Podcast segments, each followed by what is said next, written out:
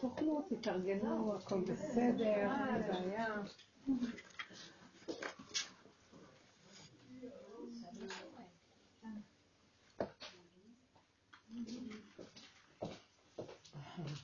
אני יכולה להגיד לכם, המעברים שלי, אני מרגישה ש... אני, אני קיבלתי הוראה מזמן מזמן, מרב אושר, מה אני אדבר, כאילו שהוא... כאילו אמר לי, דברי מעצמך. אז כל השיעורים תמיד מדברים דרך המציאות של המעברים שלי. אז אני מאמינה שמה שאני אומרת, ואתן קבוצות שקשורות אליי, אז הכל עובר עליהם, ואני שומעת מכל החברות, בכל השיעורים עוברים מהלכים דומים מאוד. מאז שחזרתי בחוץ לארץ, הרגשתי שזה היה שם כמו סיום של איזה סיום של משהו. אה, המהלך שיותר ויותר, ואז אני, לא, אני יודעת שנגמרה תקופה, נגמרה תקופה בעבודה, ואני הגדרתי את זה בשיעורים, אני לא אחזור לזה עוד פעם. אולי קצת לסבר את האוזן שיש שלוש תקופות בכל העבודה הזאת, העבודה הזאת שאנחנו עושים בדרך כלל, בעולם, או אולי נגיד אפילו ארבע. זה מקביל ל... בואו נראה. העולם, אנחנו עולם קטן. קודם כל העולם כולו התחיל עם כל הבלגן שאחרי האדם הראשון, אז זה היה תוהו ובוהו בעולם. כל הדורות שקלקלו. וזה, בוא נגיד, אדם אפילו כשהוא, אה, לפני שהוא חוזר בתשובה, או לפני שעם ישראל נהיה לעם, מפרח באו אבותינו, אז הוא עובר בעצם את המהלך של עולמות התוהו, נכון? אחר כך אנשים חוזרים בתשובה והם באים בעולמות התוהו, זה מה שהם חוו קודם. אין חוק, אין uh, משפט, אין כל אחד איש הטוב הישר בעיניו יעשה. משהו בגדר הזה. ואז אנחנו מקבלים את התורה, וכאילו חוזרים בתשובה ומקבלים תורה. בואו תיקחו את זה ברמה הזאת של הפרט, וגם ברמה הכלל של עם ישראל. קיבלנו תורה, אז נהיינו לעם, אנחנו מחויבים, אנחנו עובדים עם התורה. והתורה זה בעצם סור מרע ועשה טוב. כולנו כבר תחת חוק עץ הדת, יש לנו ישות, יש לנו הפרדה, יש לנו, אה, המוח שולט בנו, והמוח של עץ הדת, אתם יודעות איך הוא עובד. יש בו הפרדה, יש דמיון, הוא עולם הדמיון של אני, אתה, הוא, הם, למעלה, למטה, לאורך, לרוחב, וכל הזמן המוח שלי משתף בכל העולמות, בעולמות שלנו מאוד גדולים. באה התורה, צמצמה את המוח הזה, ואמרה, זה דמיון, אל תיתנו לו מדי להתרחב. לכן באה התורה. מה התורה אומרת? חוקים, כללים, גדרים, סייגים, ואז היא נותנת לנו את הבחירה, סור מרע ועשה טוב. אה, תעבוד על הזכות והחובה של הדבר, על הטמא או הטהור חלילה. אה, הטהור או הטמא. המותר או האסור, הפסול. כל הזמן ברורים, עבודת הבירורים. וזה שאנחנו בעולם החרדי, או בעולם התורני, או בעולם של היהודים שחוזרים בתשובה, הם חוזרים ונכנסים למדרגה הזאת מתוך עולמות התור והבלבולים. עד כאן זה ברור? עכשיו, מה הדרך שלנו? איפה היא נכנסת? הדרך שלנו היא השלב השלישי. היא לא עולמות התוהו, היא לא אלפיים שנות תוהו, שזה החילוניות והבלבול של העולם, שזה עץ הדת בלי גדר גבול מידה, שהוא כל הזמן מקלקל ונשבר. אז אנחנו מדברים, החלק השני זה הגדרה ובחירה להיות טוב ולא רע, לפי כללי התורה. החלק השלישי הוא בכלל לצאת מכל התוכנה הזאת של עץ הדעת, והדרך שלנו היא הכנה ליציאה מכל הדבר הזה. היא לא רק סור מרע ועשה טוב ונשארים בגדר האני, יש עולם, יש אני, אבל, ואז הכלל הוא זה לעומת זה עשה השם. אלו ואלו עמלים, אבל אלו, אלו עמלים לחיי דיראון ואלו לחיי העולם הבא, כן, כאילו אנחנו עמלים בתכלית טובה. החלק השלישי הוא לצאת בכלל מאלו ואלו, זה לעומת זה. טוב ורע, אז נלך עם הטוב. אין לו טוב ולא רע, כי הכל בעצם עדיין תחת חוק עץ הדת. רק זה עבודת הבירור שלו, אי אפשר לצאת ממנו. אי אפשר לצאת מהמטריקס לפני שלא עושים ממנו עבודה ראשונית. ברור, עבודת הבירורים. מה יותר טוב ממנו מאשר רע. אבל בעצם כל כולו הוא עץ הדת. הוא לא התכלית הראשונית, הוא לא עץ החיים. הוא התכלית, הוא כל כולו בעצם, הוא אתן קולטות מה אני אומרת? ואם לא, אני אתפרק לכם את העצמות, כי כבר אין לי כוח לדבר. שנים אני מדברת איתכם, אני משתנה, יוצאתי כבר. זהו. אין לי כוח. היא חדשה פה והיא בהלם. זה לא מעניין אותי חדשות ישנות, אני כבר לא יכולה לקבל שום חדש, וגם לא ישן. יש לי נשימה אחת. עכשיו, החלק השלישי, אחרי שחזרתי מחוץ להרגשתי, נכנסנו לחלק השלישי, והיו תהליכים קודמים שכבר דיברנו עליהם הרבה קודם. אנחנו כבר יוצאים מהנקודה הזאת של החשיבה של עץ הדעת. ואני מסתכלת ורואה, אם, עם הזמן שחזרתי, פשוט מתחילה להיכנס לתודעה חדשה, ואני משתפת אתכם, כי אתן התלמידות, החברות שלי, כבר שנים. כל עבודה שעשינו היה, זה איך לצאת מהטוב והרע, ולהישאר בעין, כלום, גולם. כמה דיברנו על הגולם? זה מאוד קשה, כי יש ישות לבן אדם, מי רוצה להיות גולם? מי, אז איך עשינו את זה? בסור מרע ועשה טוב, אתה כל הזמן מזדהה עם הטוב, אתה מאוד מאוים מהרע. בעבודה שלנו, הכנה לרדת מעץ הדעת טוב ורע, תחזור עוד פעם לרע. אבל הרע לא של השני שלך. הכלל הוא כזה, העולם הוא רק מראה, סיבה ומקל, להראות לך את עצמך. אתה לא עסוק בעבודה שלנו, השלב השלישי, שזה הכנה לדבר הזה, אתה לא עסוק בשני בכלל, הוא רק המראה שלך. אתה צריך עדיין את העולם, אבל אתה יורד מהעולם. אתה לא מתנהג בעולם כאילו העולם שלך, אלא העולם הוא סיבה וגרמה לכך שאתה חוזר לנקודה הראשונית שלך. אתה לא יכול לחזור להיות איפה שהיה האדם הראשון, מבלי לעבור דרך וידוי על המציאות של השלילה שלך. אין לכסות ולהיות צדיק. זה נכון כלפי חוץ. אף אחד לא צריך להוציא את הלכלוך שלו החוצה, גם לא להתהדר בזה. אבל מצד שני, אסור לנו בשום אופן, כשאני מתרגז ממשהו, לראות שבעצם זה השני גרם לי, אפילו שהוא גרם לי. הוא היה רק הסיבה והגרמה לכך שאני יוצא לי עם השלילה של עצמי. הכעס, הרוגז, הקנאה, השנאה, הנקימה, הנטירה, הנצחנות, וכחנות. אני רואה את כל המידות, קמצנות, מה לא. השני היה רק, או המצב שקורה בחוץ הוא רק הסיבה שלי. שנים עבדנו על זה, נכון או לא? זה אמיתי או לא?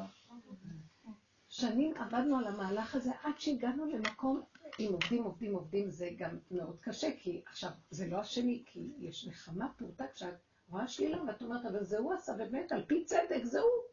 אבל אני לא מחפשת צדק, אני מחפשת האמת. מה האמת? נכון כן. שזהו, אבל את לא רוצה לתקן אותו, את עכשיו תסתכלי על עצמך. מה יצא לך מזה? תתקני. אני לא מתקנים אף אחד יותר, לא מתקנים את העולם. אני עולם קטן והלוואי, דרכו אני אראה את המציאות שלי. אם בלוח הבקרה שלי אני מתקן, תיקנתי בחוץ גם, מפעם לפעם לפעם. נר אחד, נר למה עשרה כאלה בעולם, השם לא יחריב את סדום. וזה תלוי בי. אם כן, העבודה שלנו הייתה כל הזמן ללכת אחורה, אחורה, אחורה ולהתבונן בעצמנו. כל הזמן. והשני היה השראה וסיבה. זה הילד, זה הבעל, זה הבוס, זה החיים, הכל מסביב, זה רק השראה להכרה של הנקודה שלנו. עד שמגיבה עכשיו, בדרך הזאת שאנחנו הולכים פנימה, זה לא היה קל כל כך. מי רוצה לראות את עצמו בנכס של עצמו, בשלילה? מי רוצה לראות את הביון של עצמו ולהודות בזה? זה מאוד לא קל, ושם צריך להיות לב חזק, כי אני אומר, ריבונו של עולם, האגו שלי לא רוצה לראות את זה, כי אני מאוים, כי אני רוצה להיות בדמיון תדמית חיובית של עצמי, אבל האמת ממני והלאה, הקשר שלי עם השכינה, עם בורא עולם, ממני והלאה, כי הקשר, השכינה זה אמת, ואני הולך עם דמיון של מחשבה טובה, אבל זה לא אמת. ואם אנחנו נמשיך בעולם איך שאנחנו נראים, העולם התורני החרדי, או העולם של התורה, להמשיך עם הכיסויים שלנו, שאנחנו הטובים והעולם לא, וכל הזמן אנחנו מאוימים מה השני יגיד ולא, מכסים, מכסים, ובפנים יש לכלוך, אוי לנו מיום הדין והתוכחה. וההכנה היא, זה מה שאליהו הנביא כתוב, יבוא להחזיר את הצדיקים בתשובה, את אלה שהולכים בדרך התורה והמצווה והכל, אבל צריך להחזיר אותם בתשובה. מה, הם לא מספיק... אה, לא.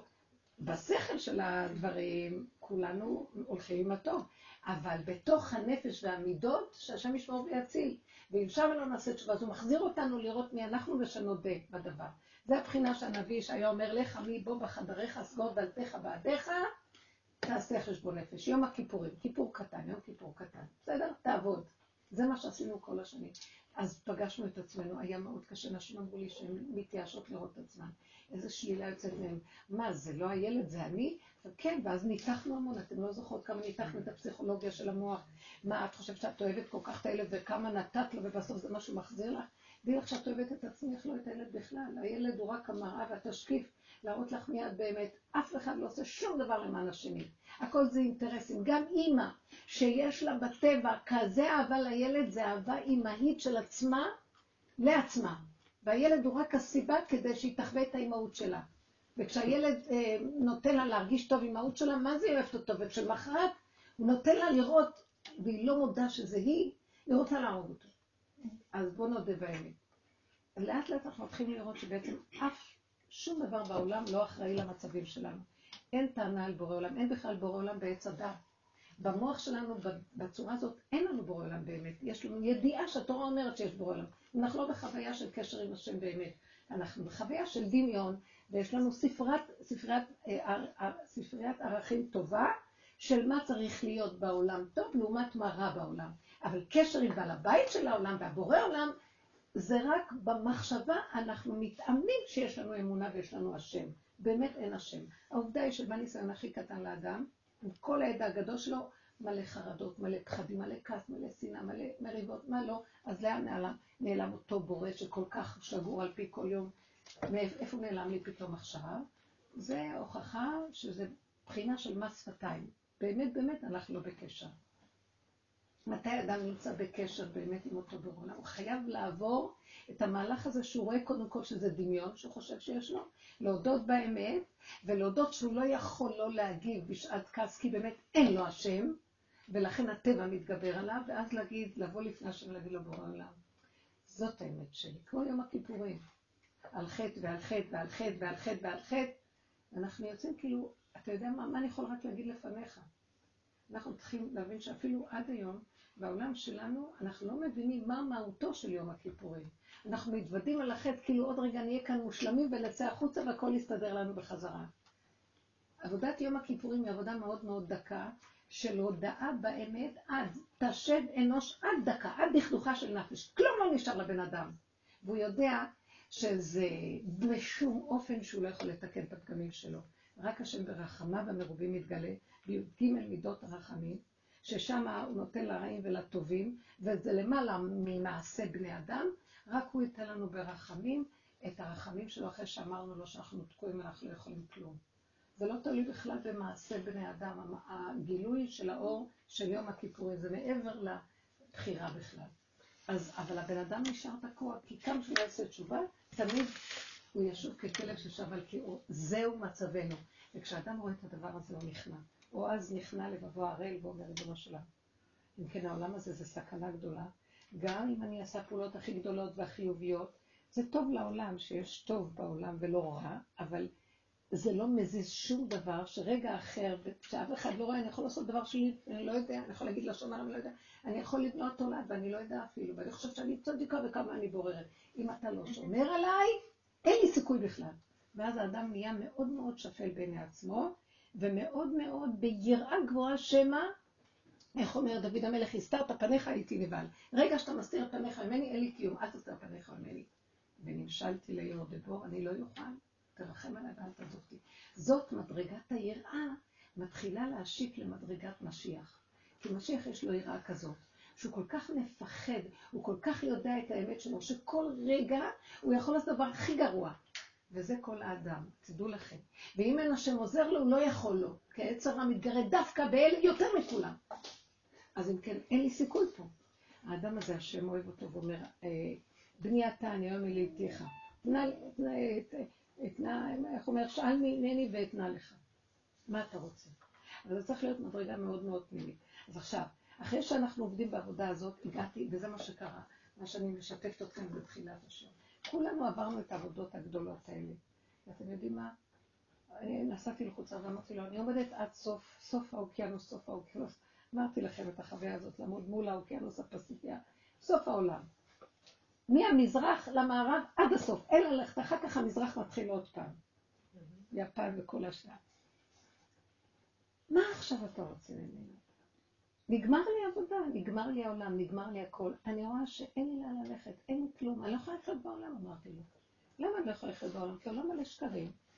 ואני בשנייה אחת נכנסת בעולם, אני שקרנית יותר מכולם. אני מיד מתלכלכת, אין לי סיכוי פה. אין סיכוי, ריבונו שלם, אין לי סיכוי. אני בסכנה.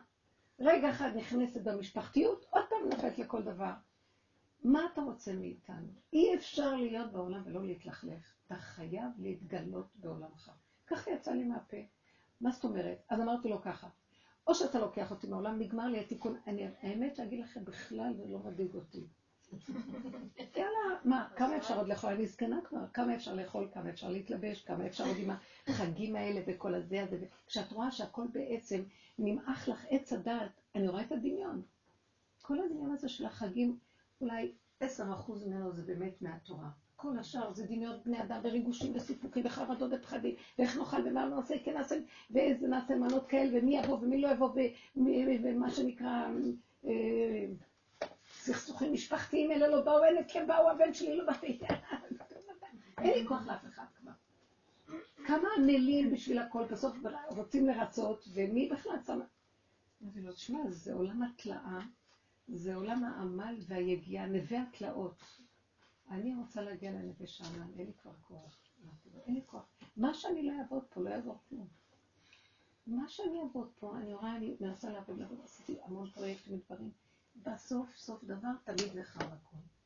פרויקטים של 10, 15, 20 שנה, נחרב. פרויקט של שנה, נחרב. מה שאת לא עושה, נחרב. למה אתה עושה לי זה? הוא אומר, כי אני שומר עלייך לא להתערבב בעולם, ולא שאם תצליחי מדי תשכחי ממני ותתערבבי, מי שהולך לו זה שייך לשטן. טוב, אז אם כן, להצליח, לא הולך. אה, נגמר לי, אין סיפוקים, אין ריגושים, כי כשאנחנו עובדים, כולכם, כולכם חוויתם את זה. אין ריגושים כבר מהחגים, אין סיפוקים. נכנסת לבית הכנסת, נכנסים, משעמם לי, אני לא הולכת, כי אני מחפשת שם איזה דרגה או משהו. מה אני אעשה עם היום שלי? הולכת לשם, מתפללת. לא, אני אוכל ואשב בבית ביום כיפור. אני הולכת, כאילו כלום לא קורה טוב, אז אני, יש לי את הרגע ואני מתפללת הרגע. נגמרו הסיפוקים מהחגים, מהתחושות, מהמדרגות, מהאורות, אין אורות, אין שום דבר. בסדר, לקחת את הכול. מה יש לעשות פה? אז אמרתי לו, אם כן, אין, נגמר כבר. משעמם לי פה. ככה דיברתי איתו. נכון שאני משתפת אותו? באמת במשעמם מרגישים. אז אני שומעת את המוח, כאילו המוח קופץ באיזה תשובה, ואני יודעת שזהו, זו התשובה. לא היה לי את התשובה הזאת, המוח קודם. הוא אומר, לא, חבל שתמותי עכשיו. חבל, כי אני צריך את ה... את... זה צינור, אתם צינורות פה, כולכם, שעושים את העבודה, רוקנתם את עץ הדת, נשארתם כמו גלמים, אין ריגושים, אין כלום, שעמם, שיממון, כמו בהמה, בהמה יש לה שיממון. ובהמה, אני לא בהמה, אני אדם שנהיה בהמה. אז אדם ובהמה תושיע. אז הוא אומר, כן, אז אני רוצה להיכנס בגלמים שלכם, ואני רוצה להביא את הגילוי שלי בעולם. אני אעשה ישועות בעולם, אני אעזור לעולם דרככם. אז אני אומרת, אה, כן, אתה, אז אני אעזור לעולם, אומר לי, לא את, אני. אז אחר כך אני אומרת לו, ומה אני? הוא אומר לי, לא, את צריכה שבכלל לא יהיה כלום, את לא תדעי מכלום. זאת אומרת שאתה תיכנס דרכי ואני לא אדע מכלום, ורגע אמרתי לו, אז רגע, מה יצא לי מזה? אז הוא אומר לי, תקשיבי, זה אני ולא את, נגמר האני שלך.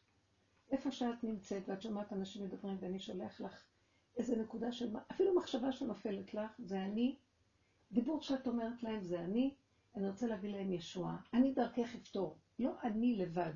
דר, דרך כולנו, אלה שהולכים ככה ונהיים גלמים, דרכם אני אעזור לעולם. אני מתגלה כי אני לא גוב, לא דמות או. אני צריך צינורות להתגלות בהם בעולם. זה בחינה של צדיקים, אבל לא צדיקים כמו שאנחנו יודעים במוח. זה גלמים שהם הם לא צדיקים, הם גולם של השם. זה היה דוד המלך, הוא התרוקן. גולם של השם הוא נהיה. דרכו התגלה מלכות של השם.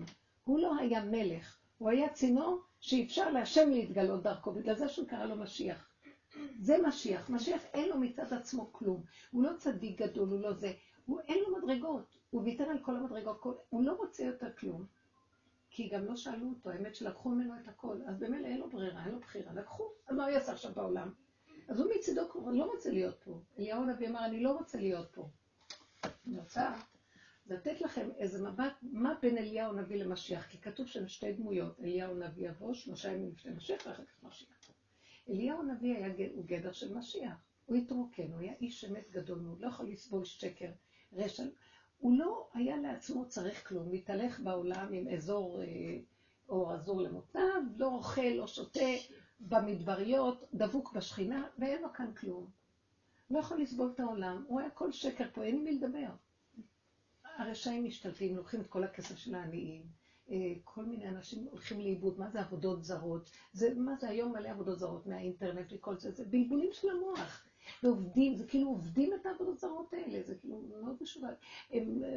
היום אנחנו אה, משתעבדים לאקדמיה, הכל שלנו, אקדמיה גונבת את כל הכסף. מה יש לך מזה, איזה תעודה?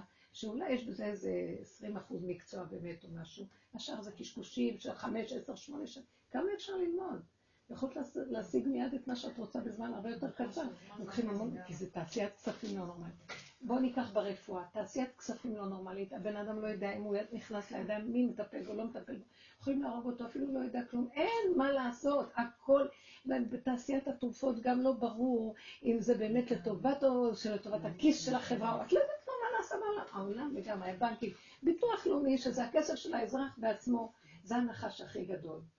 שהכסף שלנו הולך אליו, והוא מתנהג כאילו בשררה, אני האדון שלכם, לא נותן, לא נותן, כן נותן, לא... זה לא שלך, זה שלנו. זה בנק שלנו בעצם. על מנת שבשעת הזה נצטרך אותו, תחזיר, תיתן. זה מס הכנסה שעד 50 אחוז לוקח. איך? מס הכנסה עד 50 אחוז יכול לקחת מהכסף. למדינה זה הזוי. זאת אומרת שהבן אדם נותן מהמשכורת שלו 50 אחוז למדינה? אם יש לו הכנסה גדולה, למה שבן אדם ירצה לתרום כל כך הרבה? למה לעבוד? אני כבר הגעתי למסקנה הזאת, חבר'ה, לא כדאי לעבוד בכלל. לא, הוא אומר לי, הוא אומר לי, מי שנכנס לדרך שלנו ורואה את כל השקר שיש בעולם, ואת כל הזה, מסכנים הבני אדם, שהם כבולים בבנקים וכבולים בכל זה, אז משיח יבוא לגאול אותם, אבל מה זה משיח? שהוא שם אותו במקום שאומר, אומר, חבר'ה, אין כלום. חבל לכם, מה אתם צריכים? אז אני אגיד, לאט לאט, רוצים להתקיים פה? יש לך את הרגע הזה, טעים לך, נעים לך, את יכולה להשיג אוכל לעצמך ולקטנים שלך עכשיו כאן.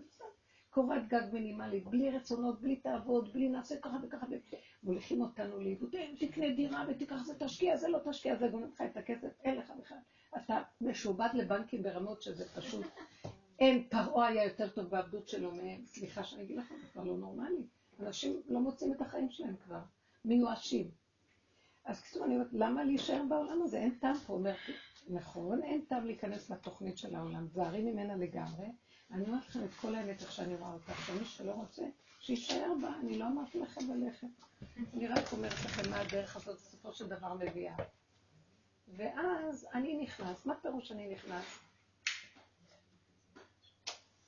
אתם תחזרו לעולם, העולם כבר באמת לא שייך לכם, אני אקח מכם את החשק, אין לכם כבר כאילו סיפוקים, ריגושים, רצונות ודברים גדולים, כי במילא לא הולך כלום, אנשים מה בכלל להשקיע במשהו, במילא לא הולך. אז מה נעשה פה? אני חוזרת ואני רואה שגם תוואים שהיו לי פעם, שעבדתי על עצמם, חזרו עוד פעם. אבל אתם יודעים משהו? עכשיו זה לא מזיז לי שזה יוצא. הייתה אצלי אורחת בשבת, לסבר את האוזן.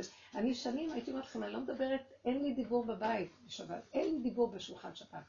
פעם הייתי קצת מדברת, ראיתי בעלי לא אוהב את הדיבורים האלה, הוא ליטאי, יש לו שכל של תורה, הוא לא כל כך אוהב את זה, אני אגיד נפש, נפש, נפש. אבל לפרנס את כולם, כן, כולם אברכים, ברור, הכל ברור. וכאבים גדולים היו לי, וכעס גדול היה לי, אז אני אומרת לעצמי, הכאבים שיש לי ממנו, תעבדי על עצמך, הכעס שיש לך עליו, תעבדי על עצמך, תחנקי, תמות. אבל לטובתך הסיפור הזה שהוא מתנגד, אני גורם לו שיתנגד. ועד שהגעתי למקום שלא אכפת לי כלום, והגעתי אחרי הנסיעה הזאת, אמרתי, טוב, אני יושבת בשולחן, יש לי אורחת. מה זה צדקנית, מתוקה, כולם מלאה חרדה שהיא עוד לא גמרה להתפלל, היא צריכה עוד לגמור את התהילים הזה, והיא צריכה... ובשם אז אני אומרת לה, ואז היא אומרת אה, דברי פסוקים כאלה מהתורה, פתאום מסתכלת עליה ואני אומרת לה, תקשיבי, לא נמאס לך מלשקר? מספיק כבר לקשקש דברי תורה. מה בינך לתורה בכלל? אין לך תורה באמת. יש לך חרדות מושגים וחרדות. תקשיבו, שאני אדבר ככה לבן אדם בשולחן, שאני מזמינה אותו, והיא עוד אלמנה, זה לא היה קל בכלל, כאילו, העיניים מסתכלות, הבן שלי מסתכל, כאילו, אומר לי, ואז אני אומרת, כן, כן, כן, וגם אתה מה אתה מתהדר באברכיות שלכם, כולכם. אנשים כבר קורסות, לא יכולות להחזיק אתכם. אני רואה כוללים, ככה יוצא לי, כוללים באברכים יושבים, נכון לומדים תורה, אבל באיזשהו מקום או שהם רצים לקחת את הילדים לגן, או שהם רצים להשכיב אותם, לקחת אותם, להביא אותם, או שהם אה, שותים קפה ומנייסים כמה עולה, מנייסים ניוז, כאילו, כמה עולה הטיטולים, כמה זה, כמה זה, לומדים תורה, כן, אבל הכל קרעים קרעים. כי באמת, מי שרוצה ללמוד תורה, ככה יצא לי להגיד להם. מי שבאמת רוצה ללמוד תורה, צריך לגלות מהבית, כמו שהתנאים עשו, ולשכוח מהכל, ולא לדעת כלום, או שיישאר איפשהו, אבל שיישן על הסטנדר, שיאכל רבע סנדוויץ', שלא ירצה שום תענוגות העולם, ולא כלום. כולם רוצים מכוניות, כולם רוצים גם קצת מסעדה מדי פעם, וקצת גם מותגים, וקצת פה וגם קצת. אז אמרתי להם, אז וגם כולם מסתכלים עלייך.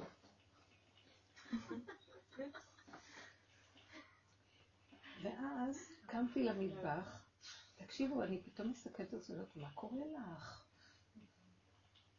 אבל אתם יודעים מה ראיתי פתאום? נכון שתמיד אנחנו עושים עבודה, זה את, זה לא הם, זה, פתאום, אני אומרת, מה קורה לך פתאום? אפילו חרטה אין לי. יצא לי דיבור, לא מתחרטת. כי ככה זה, אמרתי לך שמה תחזיר אותי לעולם, אם תחזיר אותי אני אגמור על כולם. אין, לא יכולה, זהו, לא יכולה לסבול את השקר. פעם הייתי אומרת, זה את, זה את, זה את. עכשיו אתה יודע מה, זה לא אני בכלל, זה אתה שמת לי את הדיבור. לא יכול להיות שממני, שמרצה את העולם ברמות, אין אחד שמרצה יותר ממני, ואין אחד שמתחשב בשני, כאילו, אני מפחדת לעשות עבירה, ואני רק, כל היום רק מפחדת, שפתאום יצא לי כזה דבר, אם יצא לי זה אתה, שלא תבוא אליי בטענה, לא אכפת לי כלום. אתה רוצה, לך, תוציא אותי מפה, אמרתי לך שזה סכנה שאני אתם יודעים מה? אפילו לרצות טיפה, מת הריצוי, נפל הריצוי, נפל החרטה, אין לי כלום. חזרתי לשולחן, אה, והכל היה מאוד מאוד מתוק, ואנשים, והכל חזר כאילו כלום לא היה. שגמרנו את ברכת המזון, וכבר לא היה לי כלום, לא חשבתי על כלום, נגמר, כאילו זה לא הייתי אני בכלל שדיברתי, כאילו בעוד פעם העצבים עלו לי, ואני באש כזאת, אין אש, אין כלום. אחרי שכל, גמרנו ברכת המזון, כולם פרשו, וזה, היא נשארה איתי ואומרת לי, את יודעת מה שבעלך אמר לי? בואי תשמעי מה אמר לי. הוא אמר לי, ושהיא עוד תגיד לי, כי בכל אופן כאילו פגעתי בזה, למה את מתווכחת איתה? את לא רואה שניכרים פה דברי אמת? את ראית איזה עומק של דברים? את לא מבינה שיש כאן דברים של אמת, ובאמת יש הבדל בין לדבר דברים ובין כל התנועה של הנפש והחרדתיות, לבין באמת להיות חרד אמיתי לדבר השם, כאילו, והיא דיברה על המקום הזה, את מבינה? היא לא התכוונה אישי אליי. אני, שבעלי יגיד, אמרתי, ברצות השם דרכי איש, גם אויביו ישלים עמו, וזהו. השם ישלים. חי וקיים, תודה רבה. אבל באמת לא אכפת לי אפילו סיפוק להם, זה לא כן, וואו. ניצחון המתוק, כלום, לא, לא, לא נוגע כבר כלום. מה אכפת לך? כלום לא שלך. גולם זה גולם, רבותיי, מה שיגיד, לא יגיד, כן. כבר די, הרג אותי עד שכבר אין בכלל מאיפה שיצא לי איזה משהו, שיהיה לי עוד, יחזור משהו. באמת. ויש איזה מדרש שאומר שלעתיד לבוא, הקדוש ברוך הוא ישלח את הנביאים, ישלח את ה, אה, כל האירועים הנאמנים, להקים את השכינה, לבוא להגיד לה, אה, הגיע זמן גאולתכם, ענבים ענבים, שכינה קומי מעפר, השם רוצה לגאול אותך. היא אומרת להם, מה, מה אתה עכשיו בא אליי? בוא נגיד שבא נביא הושע. אז היא אומרת לו, אני לא זוכרת את כל המדרש שאומרת לו, מה אתה עכשיו בא להגיד לי שאתה רוצה שאני אקום? שכחת איזה נבואה, אמרת לי, הכה אפרים יבש שורשיו, קיללתם אותי, כאילו כנסת ישראל תתחיל להביא את כל הנבואות הקשות שהורידו עליה, כל הנביאים, על כל מה שקרה. כנסת ישראל זה כאילו מושג של כלל ישראל כזה. אז היא אומרת, לא, לא, אני לא מקבלת מכם עכשיו, אתם באים לכם אותי, לא מקבלת מכם ניחומים. ואז זה כל פעם מוציאה לו איזה פסוק כזה.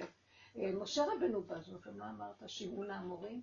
והכית בסלע, מה עשיתי לך שככה עשית לך? חרדות בשם התורה. היא אה? מוציאה להם חרדות בשם. היא מוציאה להם את הכל ואומרת להם, לא, לא, לא, לא, אני לא מקבלת ניחומים, עזבו, אני לא בכלל מוכנה להיכנס לתוך המקום הזה, תשאירו אותי איך שאני ולכו לדרככם. היא לא מאמינה. היא לא מאמינה. גמרתם עליי כולכם, לא רוצה יותר את התוכנית הזאת. משהו, מה שהרגשתי, אני רוצה לצאת מהעולם. שום מה אין מה לעשות.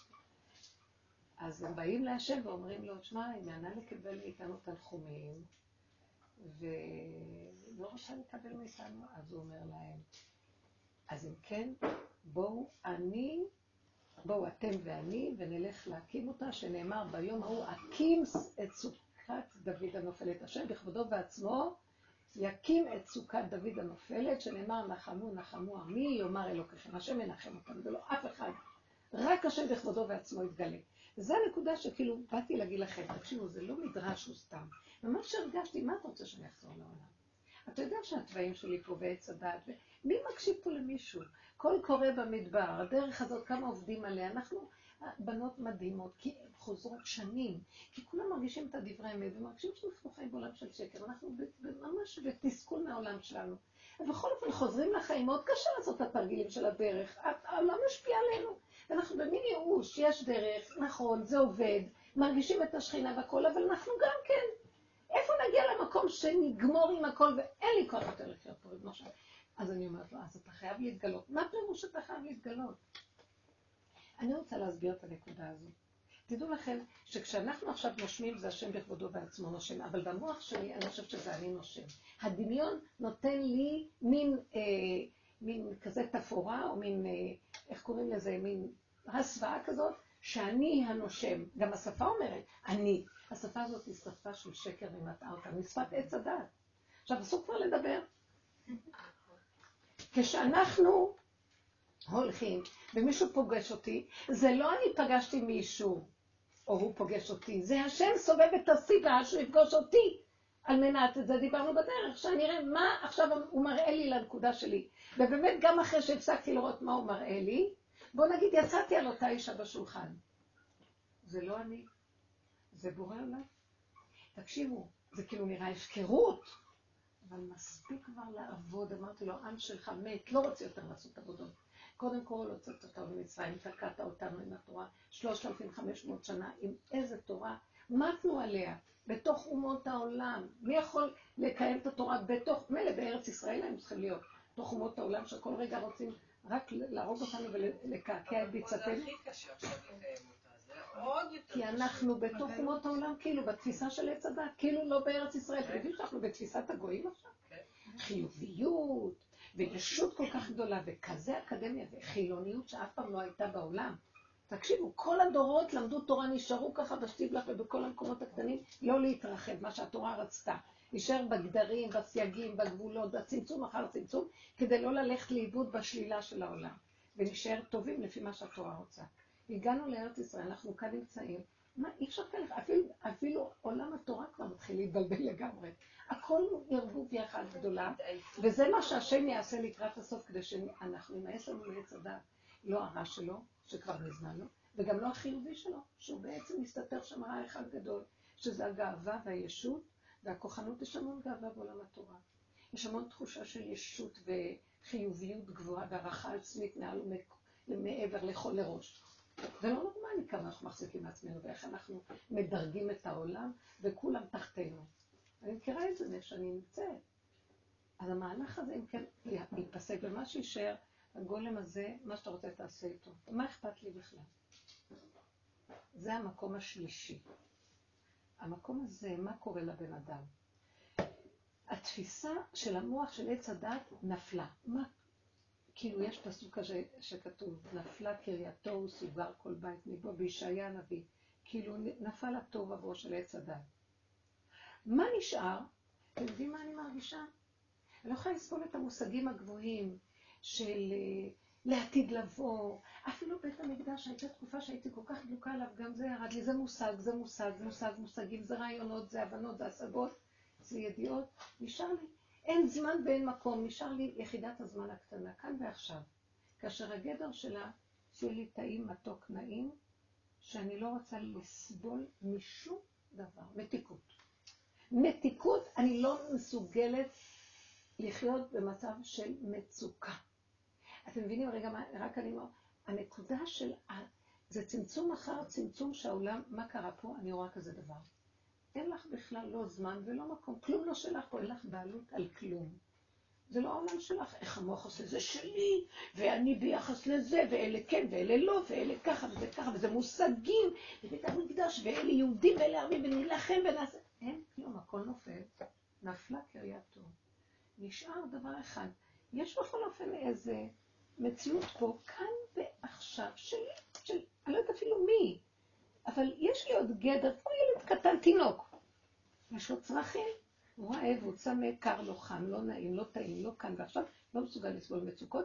גם אם הוא בא עכשיו, אם יוצא לו איזה משהו שלא נראה טוב, אחרי רגע הוא גם נעלם, כי אין לו זמן. הוא לא מתרחב לו. מה עשית, לא עשית, כן עשית, איך היה, לא היה, אין, נעלם לו. כאילו, אין במה להאחז, תוכנת עץ הדעת נפלה. המנגנון של המטריקס נפל. מה נשאר? כאן ועכשיו. ורגע אחד. שם יש לי בחירה. אני צריך שיהיה לי טוב, מתוק, כאן ועכשיו, לעצמי. אם הגזר הזה, אתה לוקח אותו בעולם, אתה רוצה בקטע הזה להתגלות ולשכפל אותו חמישים פעם כדי שיהיה בן אדם גדול ויעשה משהו, תעשה מה שאתה רוצה, זה שלך. זה שלך, לא שלי. לא, לא להילחם על שום דבר בעולם. לא שאנחנו נהיה בראש, לא שאנחנו נגאל את העולם, לא שאנחנו נעשה כלום. אם אתה מביא עד אליי משהו שאני יכולה לעשות להיטיב בבן אדם, אני יכולה להיטיב, לא היטיב לו. זה, זה, ברגע הזה זה מתבקש וככה זה, אבל רעיונות, דעות, עניינים, אני, למה שאני אלך? אני לא הולך שם, כי מה שלא עשיתי, אני לא הולך לי. אתה יודע מה זה שלך לא שם. יש שקט ושלווה ברגע הזה. מה את אומרת? מה שאת אומרת, זה הייאוש הייאוש הזה, והכאילו לרצות לברוח מעולם, יש את הרגעים האלה, אבל הדרך הזאת, היא מביאה את הצמצום הזה, שבאיזשהו שלב, נכון שאיבדנו עניין בזה ובזה, ואין... יש איזו מתיקות כזאת בחיים, חשוב להגיד את זה, שאין יותר, כאילו, כל האינטראקציות עם האנשים, הם עכשיו האינטראקציה הזאת עם הבן אדם הספציפי הזה, אה, היא הייתה הרגע, והיא נגמרה. זהו, זה מה שאני אומרת. כן. תודעה של עץ הדת נופלת. מגיע תודעת אמת. אבל אין לנסות, אה, אה, נגיד פעם גם הייתי עוד איכשהו נכנסת למצבים מורכבים, מכניסה את כן, כן. עצמי למצבים. רגשיים, הרגשיות. כן, בדיוק. נפלה רגשיות. ולוקחת דברים נורא קשה, ועושה גם מכל דבר כל כך יש את זה עדיין, אבל זה קטן זה מספיק. זה משמח אותי. זהו, נכנסנו, עכשיו אני רוצה להגיד לכם, זה תודעת משיח. כן, עכשיו נכנסים לפאזה השלישית, תודעת משיח. זה לא תודעה חיובית של ישות וגבות ואני ואני, שזה מושגים בשמיים היא, לא בשמיים היא, לא מעבר לים, לא בארץ רחוקה. בפיך ובלבבך כאן ועכשיו, מה שמזמן לך, וזה לא העולם שלך בכלל, ולמה לך בכלל? ליפול על עצמך, או ליפול על השני בכלל, זה כבר מזמן לא. אז מה, זה מה שיש וגמרנו. ואדם צריך להגיד תודה. מה שנשאר לו, כל הזמן תודה. תודה על הנשימה, תודה שאתה מנתק לי, תודה, ואל תיתן לי, אה, רש ועושר, אל תיתן לי, אטריפני לחם חוקי. הרגע הזה, תודה רבה, וזהו. אתם יודעים מה? נפלה קריית תורן. מה זה עסקים, לעשות, גם בתוך כל זה יכול ואז אמרתי לו, אין לי כוח יותר להתאמץ, כל החיים היהודים עובדים מאוד קשה, אם זה על הנפש, ואם זה על הדעת שלהם, להסב אותה לדעת תורה, ואם זה על הגוף, אני להחזיק את התורה ואת עולם התורה, אנשים כבר יצאו מדעתן, אנשים כבר חולות, מדולקות, כולן מצולקות, אין להם כבר כוח לכל הסיפור הזה. ואז אני אומרת, ריבונו שלם, אז אני לא רוצה לעבוד, לא רוצה כלום, אבל צריך פרנסה לבית, צריך משהו. כי בכל אופן עדיין יושבים, הם נכים, הם לומדים תורה, מה אני אעשה? אני... זה המהלך. כאילו, הוא אומר לי, את יכולה גם להרוויח, ויכול להיות, אבל בלי משוגעות. משהו קטן שאני אפתח לך, יכול להיות מזה משהו, ומזה יכול להיות משהו, אבל בלי מאמץ. כאן ועכשיו, וזה ילך ובקטן. בלי מושגים של מפעל הפיס, מיליונים, יהיה לנו בבנק, ויהיה לנו רזרבות. אין כזה דבר, כי זה שקט. הרבנית, את מתאמצת הרבה בכל אופן. מה? מתאמצת הרבה. מה זה, מה אני עושה? נפש. אז את יודעת מה? תקשיבי, זה במחשבה, באמת אמרתי לו, ברגע שאני חושבת על זה, נהיה לי חרדה. ואז הוא אומר לי, למה לך לחשוב? מה אכפת לכם תשכבי במיטה, או שתהיה עכשיו בין עפולה לנוטרדם, אני יודעת לאן. זה רק המוח שלך עושה לך. לכי תעשי, תגידי, תבואי, תשבי, תאכלי, אני מבקשת שתמיד יהיה משהו להגיש. שיהיה טעים, נעים, אווירה טובה, שיקחו אותי מפה, יביאו אותי לשם. וזהו, שיהיה מתוק, מה אכפת לך כך או כך? אם את מרגישה שזה יותר מדי, אני מרשה לך להגיד, אני לא באה, אני לא יכול. אל תפחדי. את יודעת, כאילו, אל ת... המוח אומר לך, מסירות נפש, גם זה נגמר. לא מוסרת שום דבר. אם אתה רוצה, תתמסר אתה בתוך המציאות. אני לא יכולה לעשות כלום. ושנים באמת אנחנו, יש לי מושג כזה בנפש, אבל כבר אין כוח להכיל אפילו את המושגים, כי הם הם, הם גדולים עליי, הם מלחיצים אותי. המושגים מלחיצים. צדיקה, לא רוצה. ילד קטן פשוט, יותר מתאים לי. לא רוצה. הרבנית, אני לא רבנית, לא רוצה את זה, שקר. אתם יודעים, הייתה תקופה שהייתי הולכת, וכל הזמן רק חשבתי, כולם רק מדברים, אבל שישה, רבנית שישה, כולם נראה לי רק דיברו על הרבנית שישה. הייתי חולת שיגעון שיקראו לי רק רבנית. ומי שהייתה קוראת לי הרבנית, אז הייתי אומרת, לא, לא צריך, אני לא רבנית, אבל אם לא קרה לי, אוי ואבוי לה. תקשיבו, אני עברתי עם הנפש שלי הרבה, אז אני מדדתי את זה, איזה שקרים זה. נפל הכל, אתם יודעים, בגמרא כתוב, אה, רב גדול מרבן וגדול מרבן שמו. מה ההיררכיה של הרבנות? רב, המושג רב גדול מרבן. רב, רבי, גדול מרבן. רבן זה... וגדול מרבן שמו. השם הפרטי של האדם, שמואל אומר, בגמרא כתוב שמואל אומר, לא רבן שמואל, רבי יהודה הנשיא, רבן גמליאל. שמואל אומר, זו המדרגה הכי גבוהה. עכשיו תקראו לי שמואל. לא, אני לא מסכימה כל כך לקלות, אני לא במדרגה של שמואל. סתם אני צוחקת, הכל מיליונות. מה זה התארים האלה? אבל זה העולם של עץ הדעת. אתם מבינים מה אני אומרת? הכל מתפרק, הכל מתפרק, הכל מתפרק, כבר אין לאן ללכת גם. ואין למי ללכת. בן אדם מתכווץ לדלת אמות של עצמו ויצעק לבורו. ומשם תבוא ישועתו. זהו. הוא יכול לתת לו ללכת למישהו, אבל זה סיבה שהשם שולח אותו, אבל זה לא שהדמות הזאת זה ישועתו. כי אין לנו על מי לסמוך, רק על אבינו שבשמיים. והייתה לי מישהי מתוקה שהיא מהשיעור שלי בירושלים, אז היא, אה, גילו את זה לה משהו, ורצו שהיא תעשה בדיקות, בדיקות, בדיקות, בדיקות, הייתה מאוד לחוצה, עבדנו, דיברנו, אז אמרתי לה, תשמעי, זו סיבה מהשם, סגרי את המוח, כמו שאנחנו אומרים בנושא הרפואי, תמיד זה מתחיל. תעשי הכל בקטן קטן, את יודעת, הולכת לבדיקה הזאת, זה מה שיודעת, תבקשי ממנו, אבל אני לא עומדת בכלום, לא אכפת לי, שזה הכל שלך, לא שלי. ככה היא עברה עוד, עוד שלב, עוד שלב, עד שאמרו לה, עכשיו צריך ביופסיה, לקחת את זה, תבואי, אה, נעשה לך ניתוח. אמרתי, מה ניתוח, מה ניתוח? התקשרנו למי שמבין בדברים האלה. אה, ובסוף הם הרגיעו אותה, תלכי לפעולה שאת צריכה ללכת. היא הלכה לה בבוקר. אז אמרתי, באה לשם. אז uh, היה שם ערבי, אח ערבי, הכל מלא ערבים. אז היא אומרת, ריבונו של עולם, המחלקה, המנהלת, או האחות הראשית, ערבייה. ככה עם כל הכפי הזה, בסדר, ערבייה. האח שמטפל בזה ערבי, זה שנותן זריקות ערבי. אז היא אומרת, היה לה רגע פחד. אז אה, היא אומרת, אז השם, מה אני אעשה עכשיו? בידך הפקיד רוחי. האח הערבי רוצה לקחת אותה, אמרו לה מה לעשות, להכניס אותה לפעולה של הניתוח. אז הוא אומר לה, כן, ותורידי את הכיסור ראש. אז היא הסתכלה עליו, פתאום היא אומרת, אמר, ריבונו שלום, איפה אני נמצאת? מה תורידי את הכיסוי ראש? אז היא מסתכלת, היא אומרת לו, תוריד את הזקן, אני אוריד את הכיסוי ראש. אז הוא הסתכל עליה ככה, אז הוא התחיל לצחוק, וגם היא צחקה איתו, שניהם התחילו לצחוק. אומרת, זה לא היה נורמלי, והוא ככה היה מבסוט מהבדיחה שלה, היא שירה את הכיסוי ראש.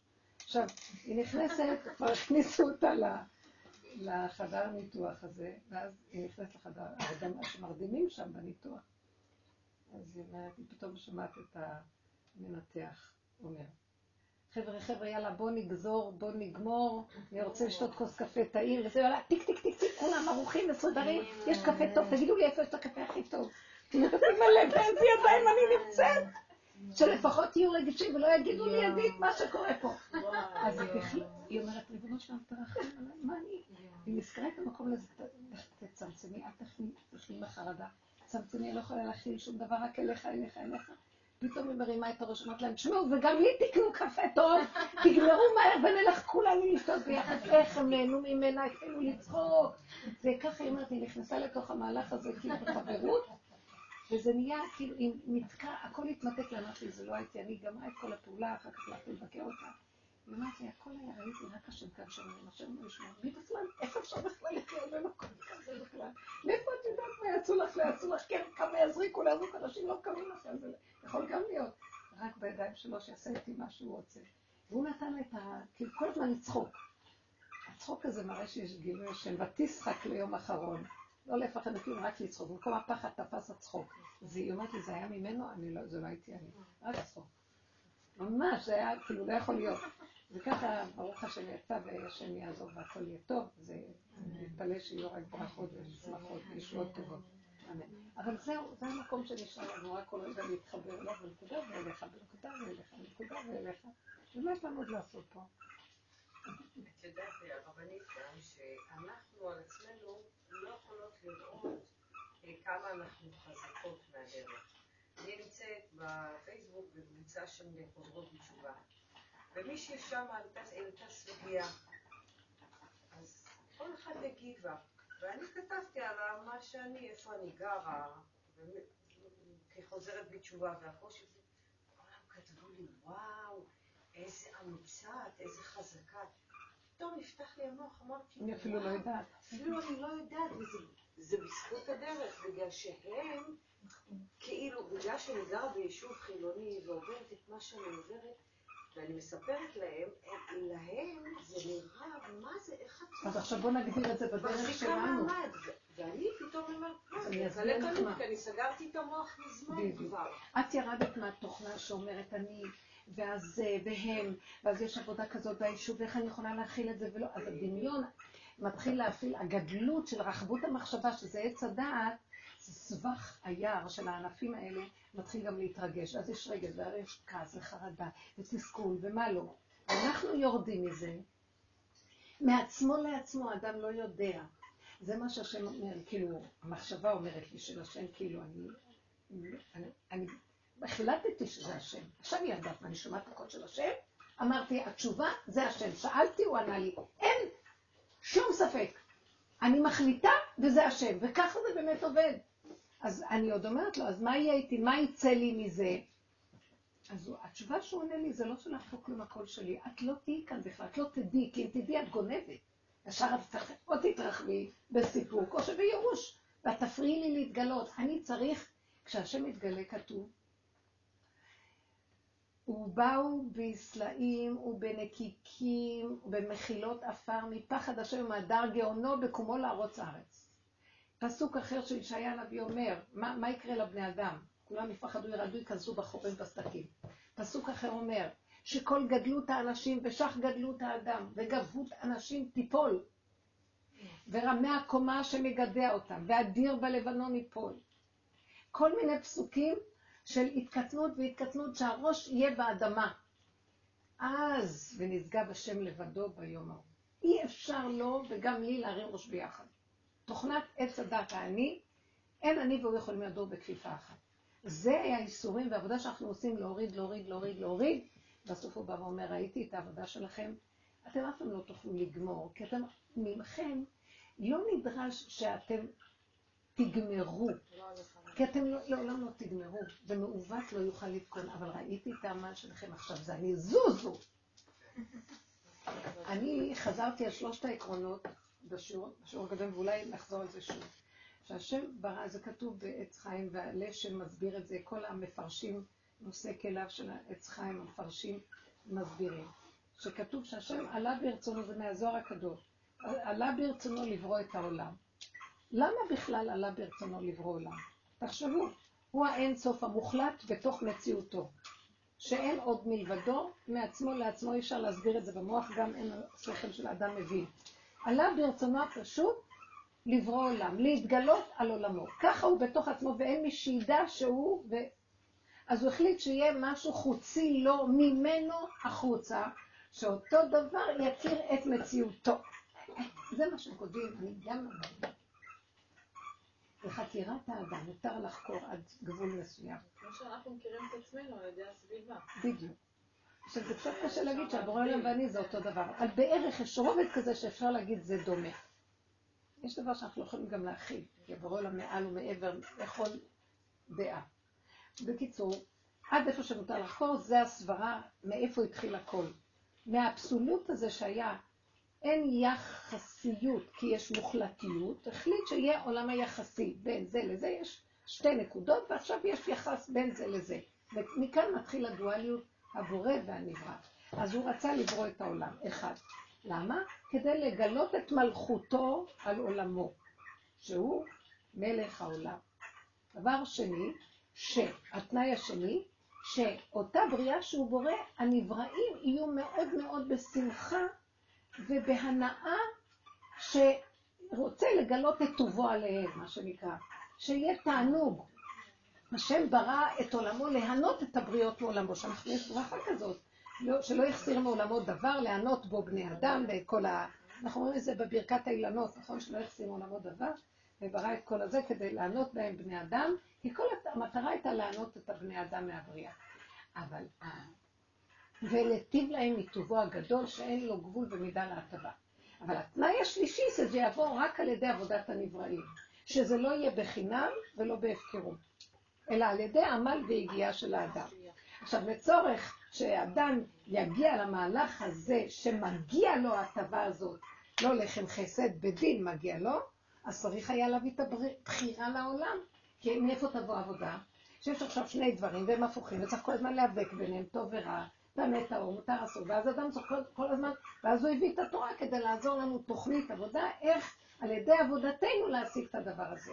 והעבודה מתחלקת לשניים, כמו שאמרנו, סור מרע ועשה טוב, והעבודה השנייה היא גם את האני הזה של הבחירה שנתנו לנו, יצרו לנו אני כדי שנבחר בין טוב לרע, עץ הדת, נפלנו בתוך זה, הכל בשביל צורך הבחירה.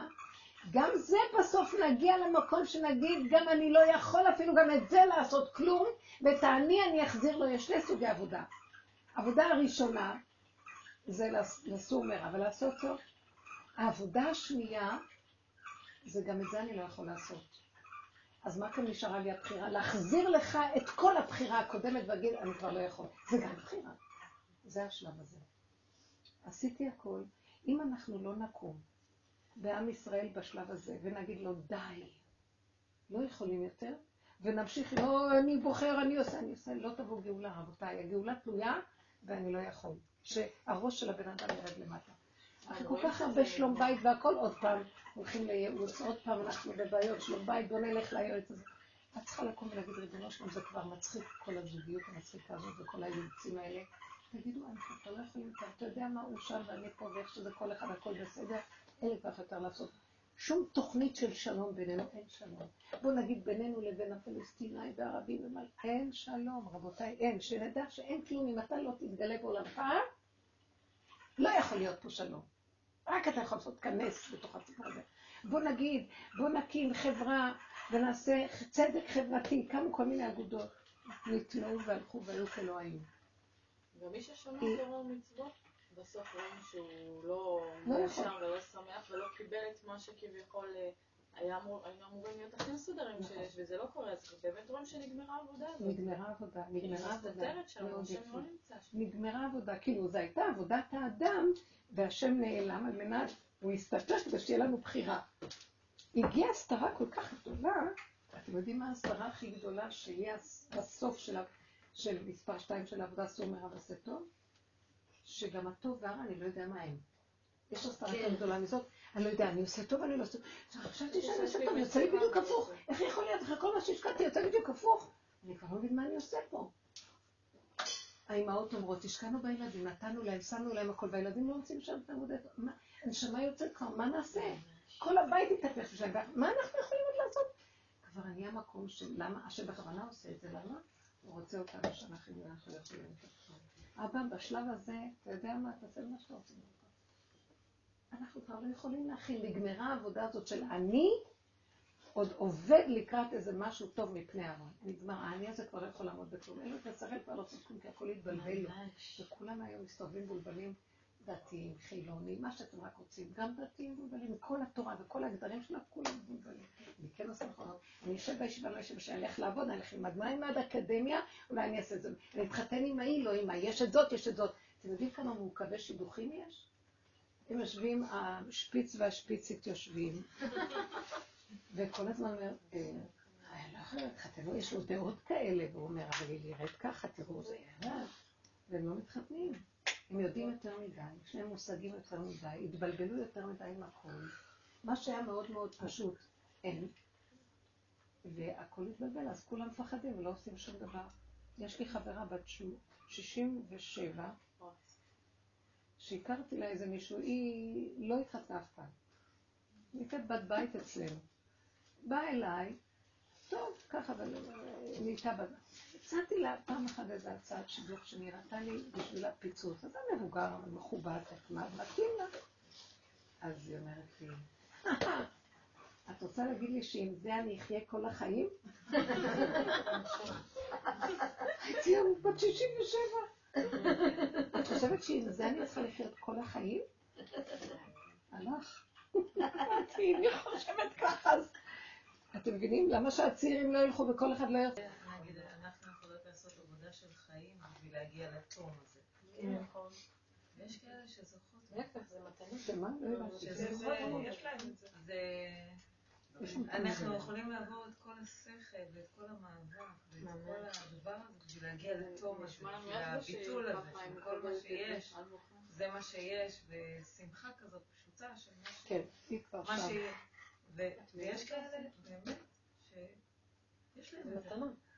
אבל אני אגיד לכם, אינו דומה, הבן אדם שעובר, ובעבודתו, זה מה שאמרתי התנאי השלישי, שבעבודתו הוא יגיע למקום הזה. אז אם לא הוא, אז ההורים שלו, משהו שעבדו, ואז זה בא לידי ביטוי בצאצאים התוצאות. כן, אולי כבר עבדה על זה. לא. יכול להיות. אבל אני אבל יש את הסיפור של פגום רבי נחמן, קודמים, אבל אם הוא בא כבר הסיפור של כך, ההערכה והטעם, הסיפור של רבי נחמן, שהטעם שם הוא טעם, הוא לא עושה עבודה להיות טעם, הוא פשוט טעם. נולדת? ודרך אגב, הוא אומר, זה מעשה שלי, זה. מעשה שלו, והוא כאילו יש לו את ה... החכם, הוא כאילו לא הוא את המוח, אבל הוא לא עושה עבודה, הוא פשוט... אני אגיד לכם את האמת, לדעתי, הסיפורים האלה הם סיפורים שאנחנו נקנה מהם מושגים, אבל אין מעלה לתם על פני החכם, ולא על החכם על פני התם. אם התם לוקח את התמימות שלו ומחבר אותה לבורא עולם, והוא נותן את הנקודה של העבודה, הוא אומר, תראה ריבונו של עולם, איזה, איזה, איזה טיפש אני מול העולם, רק אתה יכול לעזור לי, כי מול עולם כזה זה מה נפש שהוא אומר שם. נכון, אם אתה מעלה את זה לנקודה טוב, ואם החכם רואה את הקלקול שלו, את הערמומיות האינסופית ואת החרדות והפחדים שיש לו מאלף מחשבות על כל דבר ומעלה את זה להשם. אז הם משתמשים בזה לעבודה, וזה מה שהוא רוצה שאנחנו ניקח ונעבוד. בבחירה השנייה, בחירה ראשונה של הדעת, צור מרב עשה טוב, וההלכות וכל לימוד התורה. בחירה שנייה זה במידות. להעלות אליו את כל המהלך ולהישאר, זה גדול עליי, אני לא יכול להכיל כלום, רק אתה תעזור לי, ואני במצוקה מהמציאות שלי, אבל להגיד שהתמימות בפני עצמה, כמו שזה נולד כזה טמבל, זה טוב, וזה חכם יגיד זה טוב, זה לא נכון. אני חושבת שתמימים שנולדים שאין להם את הפלפל ואת החיות הזאת, זה, זה לא מעלה. אם הם בוכים להשם, כי הם רואים שהעולם, בכל אופן שמו אותם בעולם שדורש מהם ורוצה לעורר אותם, והם צוח, בוח, בוח, בוכים להשם ומבקשים את הרחמים, כי זה פוגע בהם, כי הם מעליבים אותם, והם מביאים את הכאב להשם, שם יש גילוי השם.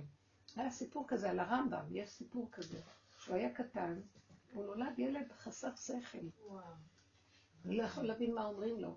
ואבא שלו בא ממשפחת דיינים מאוד חשובה, ו...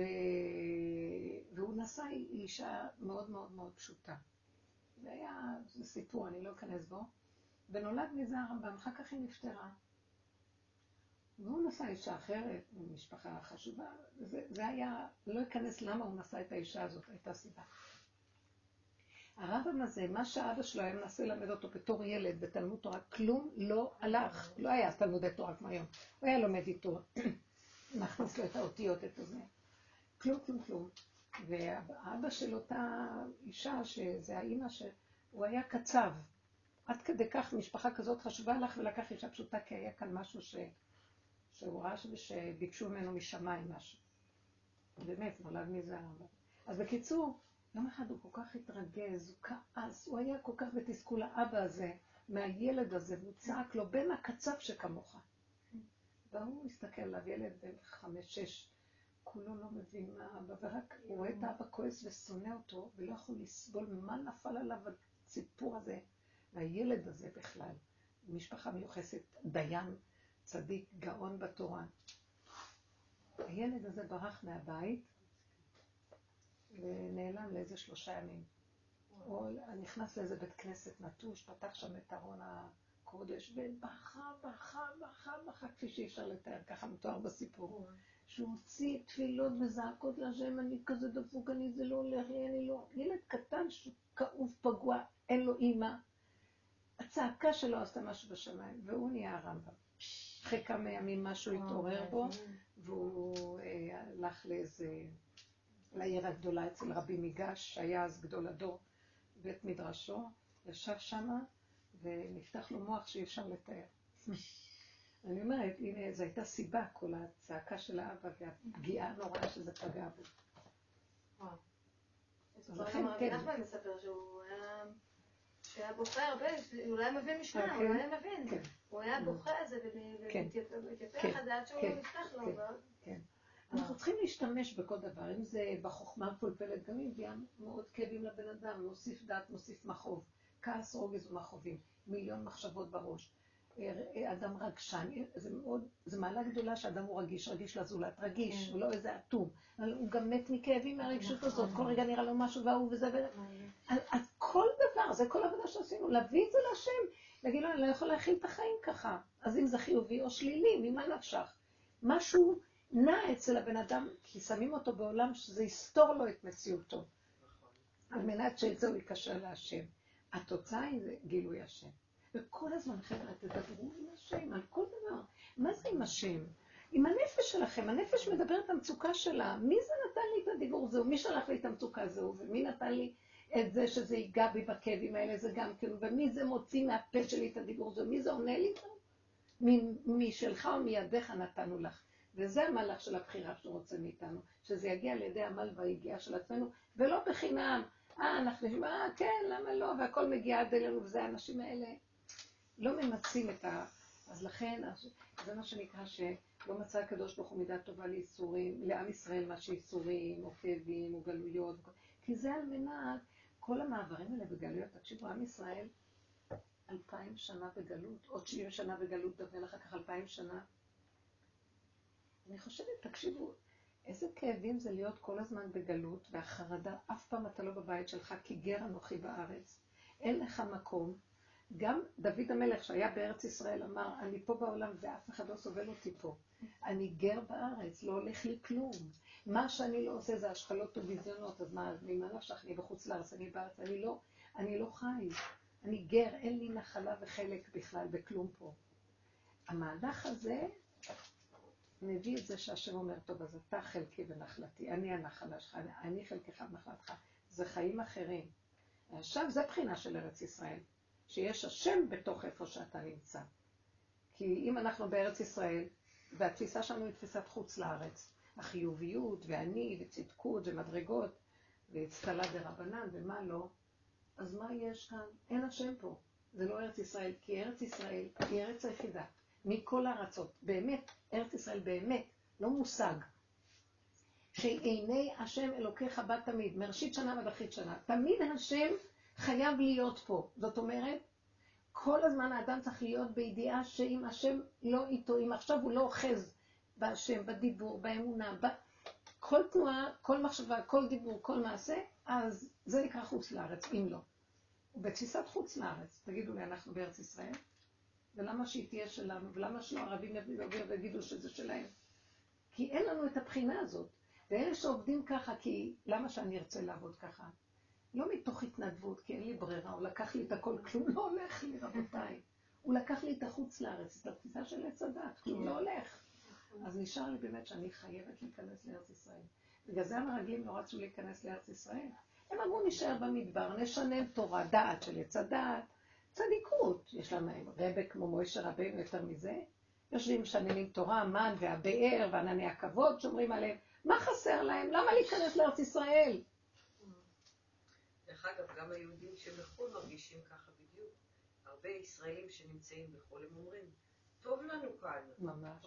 למה אנחנו צריכים ללכת לישראל? למה הוא מדשן אותם שם, הם טוב להם, יש להם הכל. אני באתי עכשיו משם, אני רואה, יש לי, לא סתם הוא לקח אותי. מה זה לא דיברתי שם? כלום, אטימות. זה תפיסת חוץ לארץ. הגלויות כל כך, אמרתי לו, ריבונו שם, אין טענה לעם הזה. כל כך הרבה שנים השארת אותנו בגלות הזאת ולא גאלת. אז uh, הם בתפיסת הגלות, כאילו, על מה אתה מדבר? איזה גאולה? Uh, בשביל מה? יש כאן מיליונרים, מה שאנחנו רוצים אנחנו עושים, כל אחד נוסע באיזה אה, מרצדס יותר מהשנייה, בתים של אני לא יודעת מה, הולך להם. אתם יודעים ש-80% מהעם ישראל לא, היה, לא יצא ממצרים בכלל? רק 20% יצאו. לאן זה הולך בכלל? מפחיד. ואז תגידי הם, אנחנו שזכינו, העם היושב בציון, האם אנחנו מנצלים את המציאות של ציון באמת בתפיסה שלנו? תדעו לכם, זה שאנחנו מגיעים לגולם ושזה הכל השם, זה תפיסת ציון המצוינת. כי אנחנו בחינה שזה הופך להיות, לא אנחנו הלוואי, זה כאילו, הכלי הזה הופך להיות מקדש מעט. אין לו ישות מצד עצמו, קדושה יורדת עליו, זה השם. אני אפילו לא ואסור לי לדעת, כי אם אנחנו נדע, ישר יהיה גניבה גדולה וישות. אז אסור לדעת כלום. ושקט, אבל הגילוי של השם שיעשה מה שהוא רוצה בעולמו, אנחנו הכלים שלו. זה נקרא בית מקדש מעט. הדרך הזאת היא סוף הדרך. זהו. וגם, כמו שהיא אמרה, אנחנו מתהלכים במתיקות פנימית של למה לי לשים את המוח שלי בכל המהלך הזה בכלל קטן, ואליך, ואני מפחדת שאל תוציא אותי מהמקום הזה, הסתרת פניך, הייתי נבהל, אל תסתר פניך ממני, אני לא יכולה, אני לא יכולה להיות פה יותר.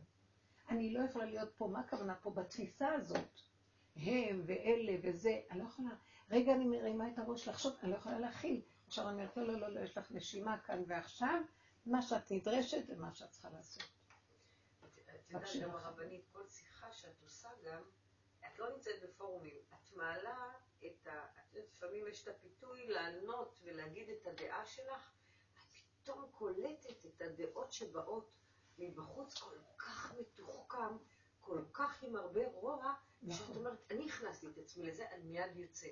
נכון. פעם כשהיית מנהלת שיחה עם בן אדם, מה זה פעם? לפני חמש, עשר שנים, על אמונה, על דת. היה שם איזה תמימות, איזה... אה, מעבירים דעות, מעבירים כן, עניינים. כן. פתאום זה קיבל סוויץ' כזה של רשעות ותחכום, שאת אומרת, לא, לא, לא, לא, לא, את זה אני לא יכולה להכיל. תזהרו. אני אומרת, שלום, לא, אתה צודק, כן, אני יוצאת מהשיחה. לא, לא, תזהרו, כולם משתמשים היום, אתם יודעים מה קרה, כל הדברים שמדברים עליהם, האור מתחיל להיות מופץ, אבל הנחש אוכל אותו. כן. מה הכוונה? כולם מדברים מודעות, אמונה, אה, נכון. כל ה... בטח, אה, בטח זה הכל, כאילו, לא יודעת מה עוד מדברים. ואז את אומרת, אבל מאיפה הם מדברים? מהישות שגנבה את הרעיון המקורי, ובמקום שהולכי את זה בבשר, הכל במוח, במוח, במוח, במוח. ויש מזה... זו הטעיה מאוד גדולה וזה חבל. אין לנו גם מה לעשות. מה שאני רק מציעה, אל תדברו. כי אנחנו נתערבב, יונקים אה, את ההרס הזה, זה מסוכן. אבל מה שכן, רק תבקשו השם, איפה שאני לא אהיה. תשתמש בי לתועלתך. פה מילה שאני אומר, פה תנועה שאני זה, פה מחשבה שבאה ואני, תפילה קטנה שנותן על איזה אנשים ש... זה עובד, השם נמצא שם וככה הוא יגאל את העולם שלו. אין לנו מושג איך זה יהיה, אבל זה לא קשור אלינו כבר.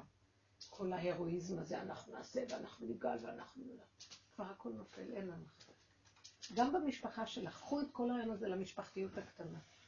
אל תחשבו, הילדים שלי צדיקים ואני משקיעה בהם. אין כבר כוח להשקיע באף אחד. שלום בית ואני אתמסר לבן... נגמר הדבר הזה, אין לי להתמסר. רגע אחד יש לך מחשבה טובה של להתמסר, רגע אחר את לא יכולה לסבול אותו בשנייה. זה היום ההשתוללות של הטוב והרע, כל ארגוביה כזאת, שאת לא יודעת איך יכול להיות רגע ככה ורגע ככה. זה ממש קיצוני, זה נראה... ממש ממש. היה לי איזה רגע שחשבתי, אני חייבת לעזור לאישה הזאת, אני חייבת אחרי רגע. ואז היה לי תוכנית איך אני אעזור. אחרי איזה יומיים אמרתי, למה שאני אשקיע בכל זה? קרה לי כוח. תקשיבי, איזה התהפכות, הסכמתי, ככה זה, כן. למה התנדבת? את תתנדבי לכלום. תתפללי להשם, אבא, תעשה להם טובה, אם אתה רוצה, הנה הידיים והרגליים, שזה יהיה דרכי, או רבים שלוחים למקום. יש לך הרבה את מי לשלוח, שיהיה להם חיים טובים, ושתעזור להם. מה אכפת לה תפילה? אין לי כבר. הגדלות שלי.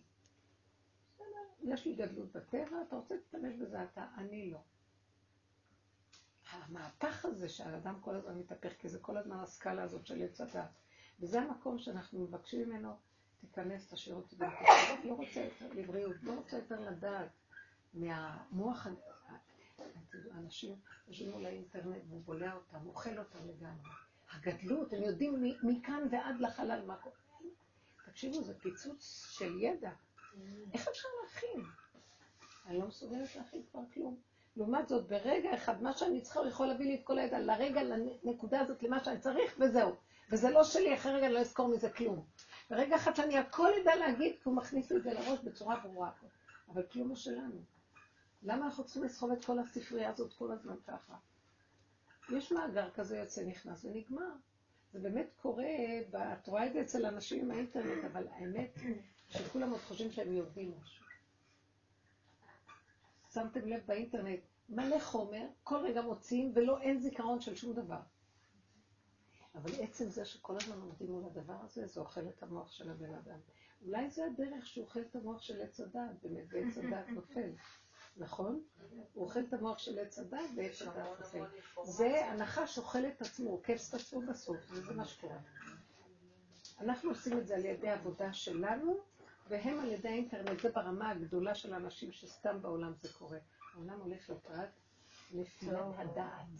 נפילת הדעת, ואם אין הכנה איך להכיל את זה, ומכניסים את יסוד האמונה, שזה השם, בתוך זה, אנשים ירצו להתאבד, כי לא יהיה להם שם כלום אחרי שהמוח ייפול. זה יהיה חרדה ודיכאון.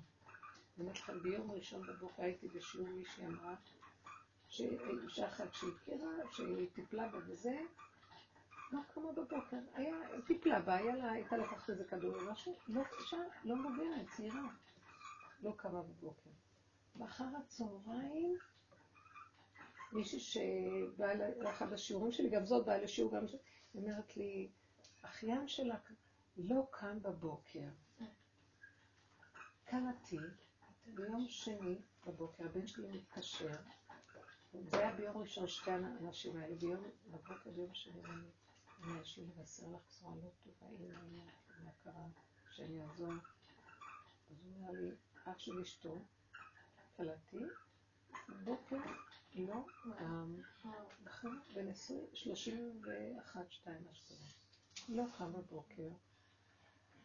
לא נגמר הדבר הזה, אחרי שהבן שלי חזר מהלוויה ואומר לי, איזו הלוויה קשה הייתה של האחיין הזה, של כלתי. ואת יודעת אם עוד מישהו מהשכונה של הישיבה לא קם בבוקר. זה רק על ארבע שידענו יודע עוד כמה שאנחנו יודעים. ואז פתאום הסתכלתי ואמרתי, אנשים אומרים, אין לנו חשב אחר. מתרוקן הכל ואין למה פה. מה שאני גם מרגישה, משעמם פה. אבל לפחות אנחנו פותחים את הפה, אנחנו יודעים לצמצם לכאן, ועכשיו את מחזירה את המוח, ואני אומרת, לא, לא, לא, לא, לא. אה, כמו שהבן שלי אומר לי איזה משהו, אומר לי, גם הוא שאל אותי איזה שאלה. בסופו של דבר, אומר לי, התכלית הזאת, מה היא פה? הסתכלתי עליו לרגע, וקצת זה הזיז לי משהו, הבנתי ואמרתי לו, תשמע, זו שאלה מדי גדולה שאתה שואל, וצריך להיזהר ממנה. אין לנו בעלות על כלום, אנחנו פה, אל תתרחב בשאלות יתר על המידה.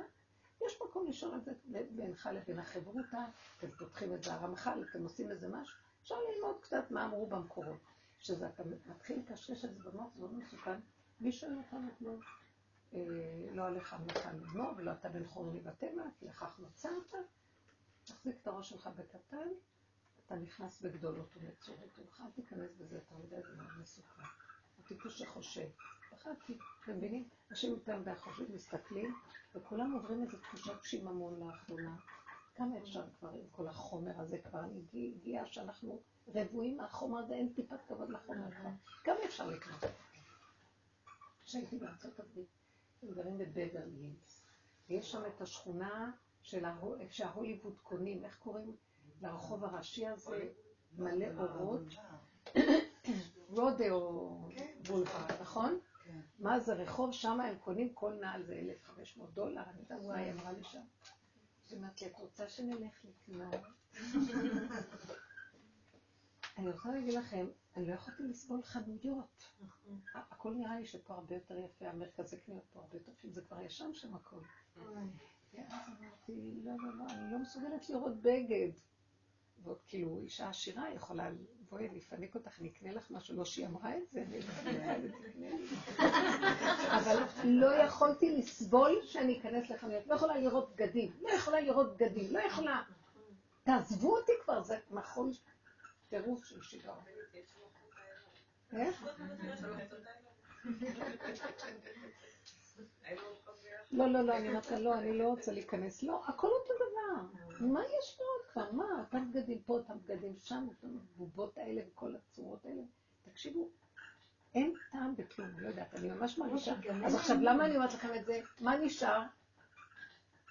אומר לי, להקטין את המוח, לחזור לכאן, אבא תחזיק אותי, שיהיה לי כאן ועכשיו נעים וטעים. לא יודעת, לא מבינה איך העולם נראה, השקפה גדולה. חומר, אין כבוד לחומר, זה רעיונות גם כן. תסגרי את המוח, לא. כי לרגע נפתח לי המוח, אי אפשר כאן. אז אדם שאין לו את העבודה, והוא לא יודע לאן לחזור, ובשנייה יכול להיתפס לו המנגנון הזה וילך לאיבוד. באמת, אני מביאה לכם סיפורים של לסבר את האוזן, גם הייתי אצל איזה מישהי שהיא קרובת משפחה, שראיתי שהיא זקוקה לעזרה ברמה שממש פחיתי לה שם שחייבים לעזור לה. מזמן לא הייתי אצלה, אבל אמרתי בדרכי לאיזה מקום אני אלך אליה. ישבתי איתה שעתיים, ואני רואה את המוח שלה טוחן אותה, כי היא תפוסה במוח מאוד מאוד, וכבר כל הגוף שלה מלא אה, חולאים מה, מהמחשבות, כבר זה יתראה בגוף.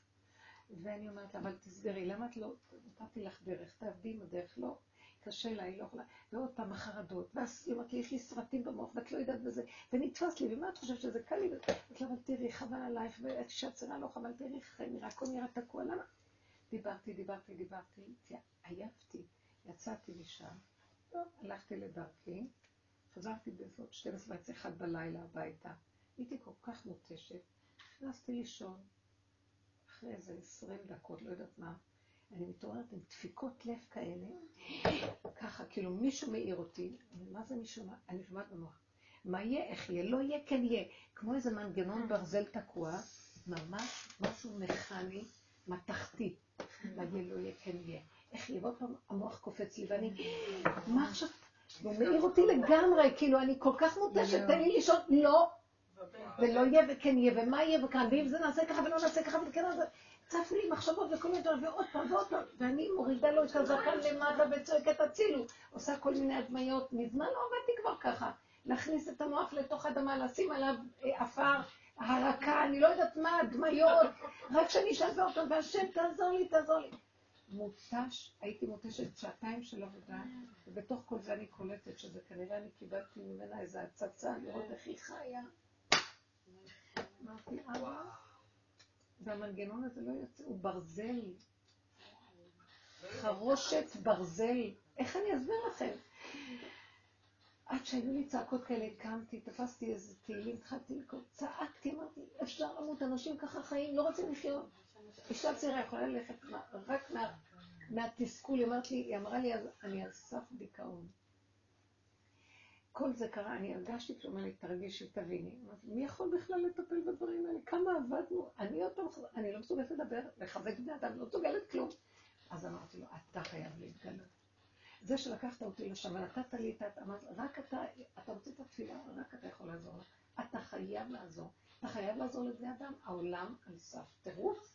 אני רוצה להגיד לכם, איפה שאני לא הולכת, זה לא סתם, זה כאילו אנשים עוד מכסים, וכאילו הכל נראה כאילו לא היה בבוקר שנוסעים, וכאן קפה, וכאן זה, היו... אבל באמת מתחת לכל הכיסויים האלה, אין חיים פה. יש להם בחירה לאלה שסובלים כמו אותה קרובת משפחה? את הבחירה שלהם, את תתפללי עליהם, את, הוא הביא אותי בקרבתה, והרגשתי את הכאב שלה, ואני לא יכולתי... ואני יודעת שהיא סובלת, אבל... ושנים אני מדברת איתה על העבודה, כמה קשה, הבני ברקים קשה להם. בתפיסה אחרת של עץ הדת חזק מדי. זה הגלות של העם החרדי, יותר קל להוציא את הילדים מהגלות מאשר את הגלות מהיהודי. יש לי קרובת משפחה שהיא מאוד חרדתית, והיא אומרת לי, את לא, לא תביני אותי לעולם, כי את לא עברת את זה. אני לא יכולה לשמוע שום הרצאות, שום דיבורים, כלום, כלום, אני פשוט לא יכולה לעשות כלום, ואין לי בחירה. נשמה יקרה, כנראה גם היא לא יכולה לשמוע, היא לא יכולה לשמוע את מה שאני אומרת. תגידו לי, זה לא לצעוק להשם, הנשמה שלי צעקה, צעקתי לה, זעק ליבם אל השם, אמרתי לו, אתה לא יכול להשאיר את העולם במקום, אתה רחם על היהודים שלך, אנחנו ממש, אומר לכם, כל אחד שפוגש משהו, רק תתחכו. השם, אני נתת לך את הדרך, זה מה שאני פה, אם הבאת אותי במחיצה של כזה דבר, אתה חי, ויש לי איזו תנועה רגשית מהדבר הזה, אתה לא יכול, אתה נתת לי את הרחמים, למה שאני ארחם על מישהו בכלל? כי אני מאוד נזהרת גם לא להיכנס רגשית בכלום, מרוב עבודה שעשינו. גם משפיע אני בפחד, כל הזמן עבדנו לסגור את הרגש וזה, אבל הוא פותח לי את זה, זה רק כן. כדי שאני אצעק עליה, תרחם, ועליה זה כל האנשים איתה יחד עם זה. תראו, כל הארבע האלה שהגיעו לידיעתי שנעלמו, לא רוצים לקום. תקשיבו, קל לחיות כך. הם לא התאבדו. תפחדו. לא, בנשמה מחליפים, אין לנו כוח להתמודד, סליחה, זה כבר מדי גדול על הכל, אתה מפסיד את היהודים שלך, ריבונו של עולם, שלח להם ישועה. מה? לא שכתוב להם לפני שהם למדו מתי. לא, לא, לא, לא. תדעי לך שזה דברים ידועים, שאפילו אם נכתב לאדם, מעשיו של האדם יכולים לגרום הפוך. נגזר עליו משהו, הוא יכול להפך את זה. אני מאמינה שכשהאדם נכנס למצב, נתנו לו איזו התנסות, הוא לא יכול לצאת מהפלונטר שלו, לא, הוא נכנס בייאוש. לכן רבי נחמן אומר, אין ייאוש כלל, אנחנו צריכים לחזק אחד את השני שלא יהיה ייאוש, כי אדם מתחיל להישאב לייאוש הזה, הוא בוחר שהוא לא רוצה, אחר כך הוא שולח לו סיבה, או שהוא לוקח איזה כדור, יכול לקחת מינון קצת יותר גבוה ולשים לב מה הוא עושה, כל מיני סיבות, זה לא חשוב. משהו בנפש שלו החליט שלא. כן, נכון. הפסיק להילחם, כאלה שהפסיקו. איך? שומעים על אנשים שסובלים, למשל חולים, שרוצים למות נכון, והם לא מבינים איך זה קורה. אולי יש להם בתוך הנפש משהו שעוד רוצה תקווה. לא, הרבה מהם רוצים לחיות. לא, שיש משהו שמשאיר אותם, משהו שמשאיר אותם, הילדים או אנשים מסביבם, גם אומר דבר נכון, ושמעתי על עוד איזה אחת שאמרה לי, שהוא היה מונח שם אה, מישהו מהמשפחה, חולה הרבה וזה וזה, וכל הזמן סביבו אנשים ותומכים בו והכל, ופתאום או שהאימא, שאשתו, לא יודעת מי זה היה שם, היו צריכים לנסוע ליומיים מחוץ לעיר, ועזבו אותו, והוא הלך. זה כאילו התמיכה שמחזיקים אותו ונותנים לו, וזה ברגע שמסביבו נעלמים, בדרך כלל נשים שעל סף סיום, שהם עוזבים אותם, אז הם נעלמים. אז יש גם דבר כזה. את אומרת שזה דבר שנגזר לאדם. אה,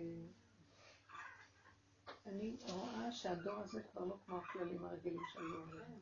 זה דברים שהם לא רגילים. מה, נגזר על הדור שבגיל 30 מקבל דום לב ים? לא היה דברים כאלה, היו מתים מדלקת ריאות, משפעת. לא, לא, לא ככה. אז תגידי, הדלקת ריאות והשפעת, עובדה שהיום עלו על זה שיש חיסונים, ואנשים לא מתים מזה. אז מה נגזר שאז ימותו ועכשיו לא? זאת אומרת שיש איזו סיבה שהיא לא נגזרת ערים, פתגמים, קדישים, משהו עליון מאוד. יש לו מצב שהעולם נתון בו שהוא משפיע על בני אדם. זה לא נקרא מיטה, מיטה של גזרה, זה, זה המצב, מה שנקרא, כורח הנסיבות יכול לגרום גם במצבים האלה. אחר כך אנחנו אומרים, טוב, הכל משמיים. הכל משמיים חוץ מיראת שמיים. כשאדם ירא שהוא מפחד שעל ידי תנועה כזאת של חשיבה הוא יגרום לעצמו משהו, אז זה משהו אחר, יש לו בחירה בדברים האלה, כן? יש מקום שצריכים להיזהר. בהחלט שאני רואה את זה.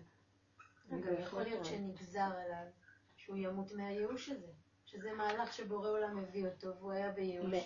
והוא מת. לא, לא. אם אומרים אין ייאוש בעולם כלל, אז לא נגזר עליו ייאוש. אין ייאוש בעולם כלל, כי כאילו, לא.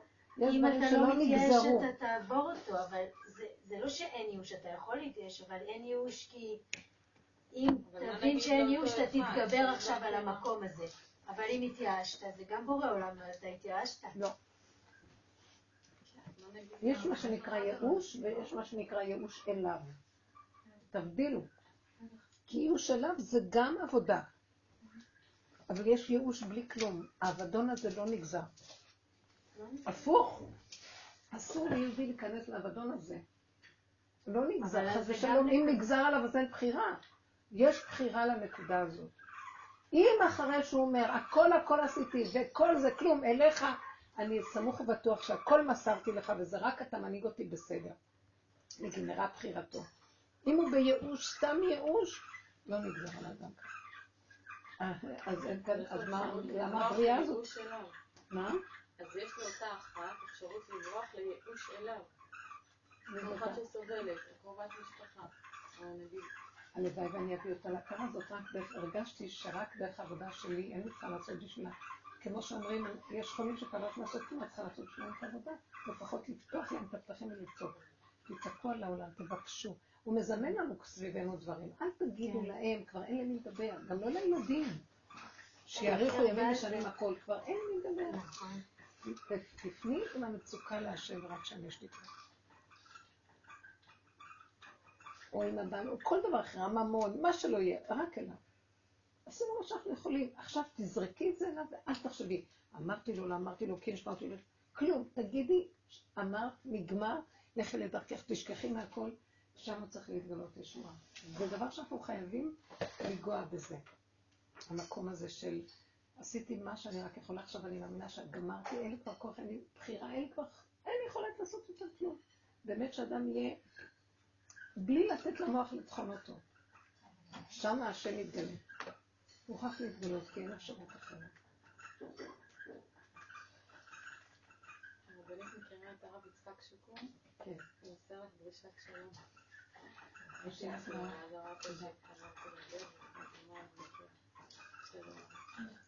האמת שאני.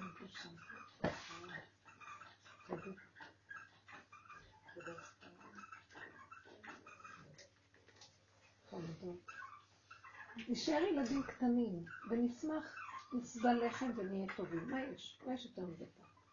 בתוך כל זה יש לנו את סדר היום שלנו וזה, אבל נתקעתם במשהו וזה. לא סוף העולם. לא, אז לא. כן, אז כן. אני כאילו רואה עכשיו, התפיסה של משיח זה איפה שהולך, איך שלא הולך, לא צריך. לא להתעקש על שום דבר. מרוב שהסכנה היא כל כך גדולה. זה כמו בתחושה, זה כאילו לפתוח מנהרה, מנהרה של אור. ממש, אה, כי אני נתקלת כל כך, בשלושה דברים האחרונים, בכל כך הרבה סירובים. ואני עושה דרכים, אני נוסעת על באר שבע, יושבת שם שעתיים בחדר המתנה, שהוא יסיים את הניתוח, שהוא נחמד, כל מיני כאלה.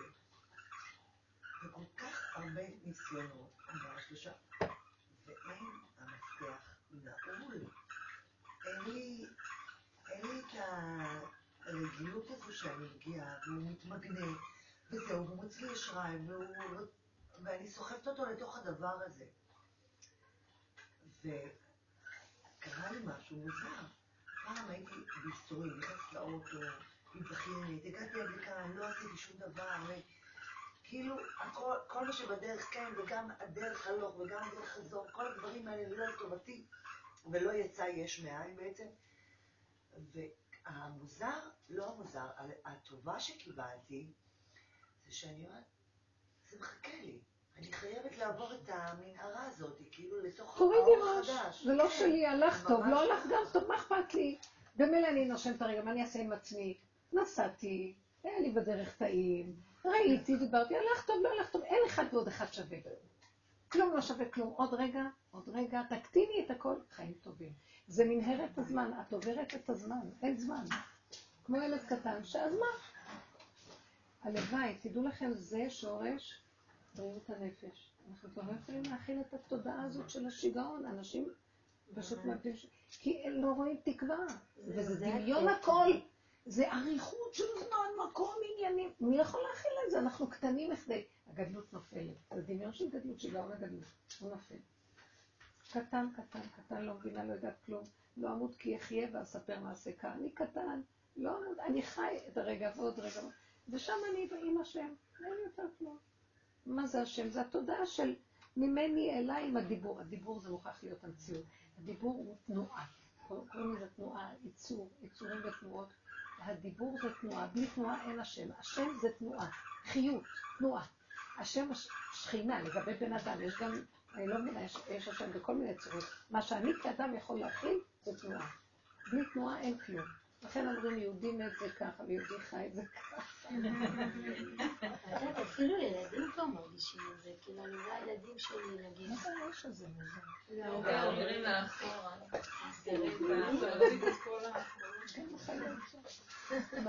ילדים גם מרגישים את זה, שכאילו אין הכל, אין אמון בדברים. נגיד הבן שלי אומר לי, אמא, הבאנו תרנגולות, זה היה כיף כמה שבועות.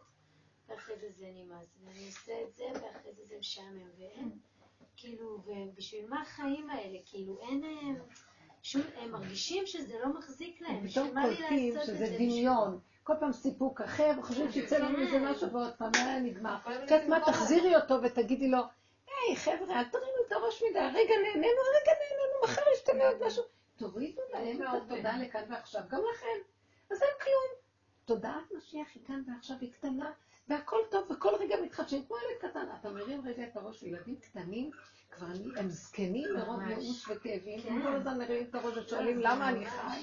כן, מה לבן שלי זו שאלה גדולה מדי, הוא אדם גדול, יכול לחשוב. אמרתי לו, זו שאלה גדולה מדי, אל תיכנס לשם. מי נתן לנו בכלל, אה, כאילו, אם יש לנו בחירה בכלל, אנחנו פה וזהו. אל תשאל על דבר שזה לא שלך, תשאל בתוך זה, מאחר ואני עכשיו חי, מה עכשיו אני צריך לעשות? אבל למה אני חי?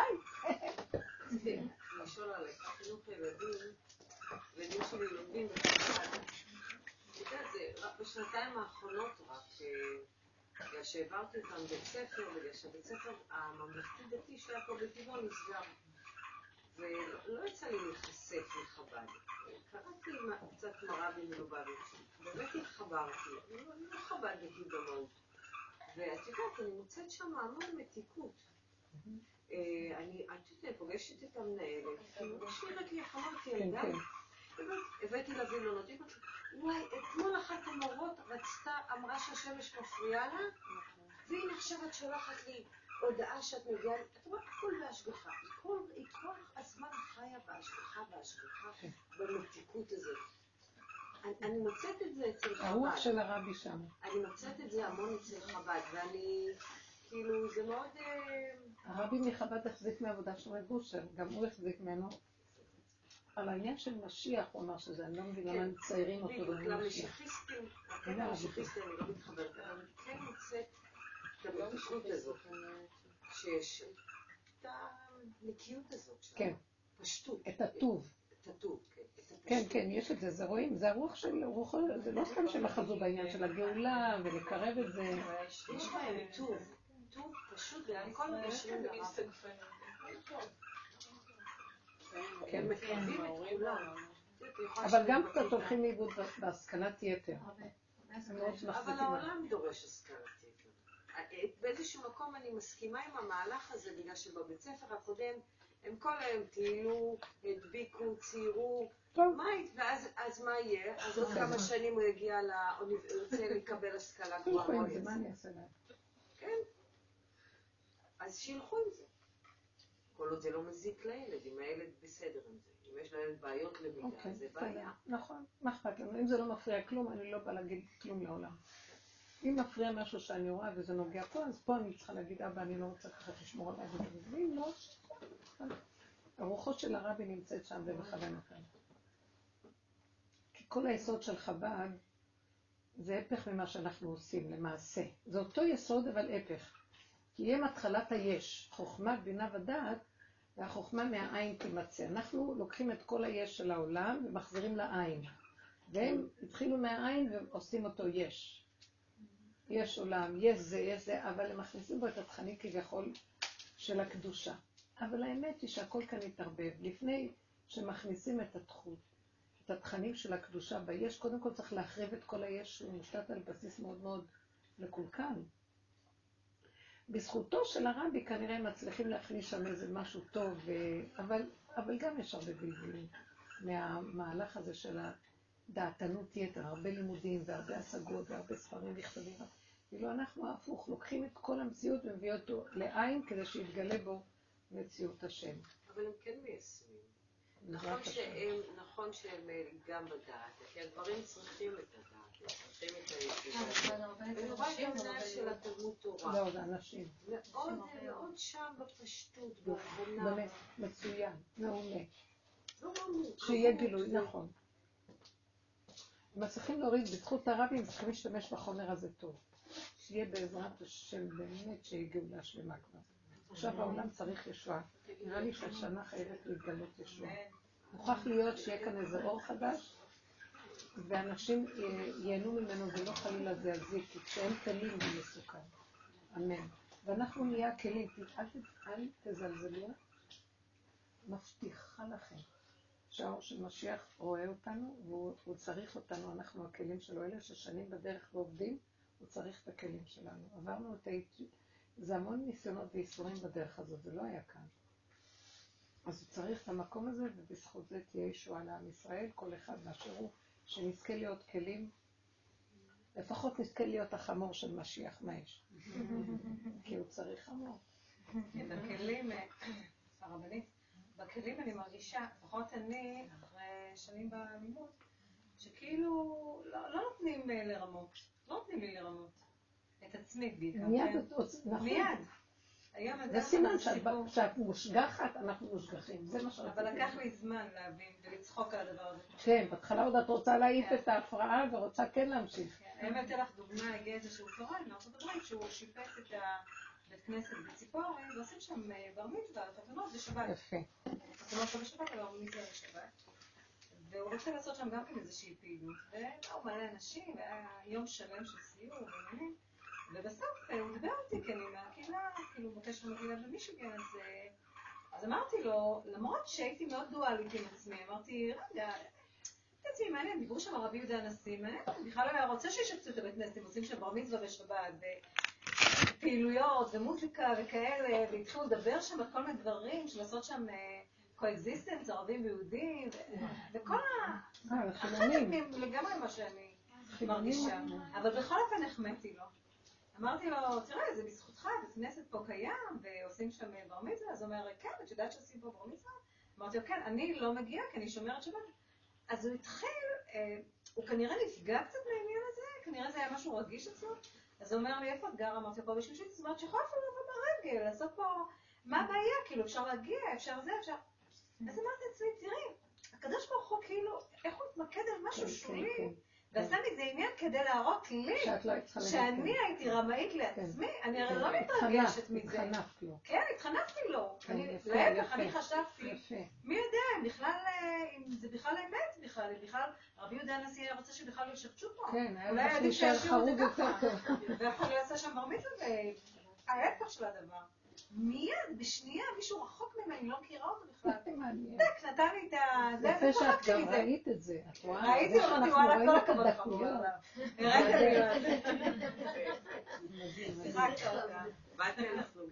אז מה את אומרת? המסקנה הסופית לחזור לעצמך ולהגיד, ריבונו שלנו, אתה רואה, ברגע אתה לא מחזיק אותי, הנה איך שאת והם יוצאים, אבל אתה יודע מה, ריבונו שלנו, רק אתה יכול להחזיק אותי ולהשתמש בי נכון.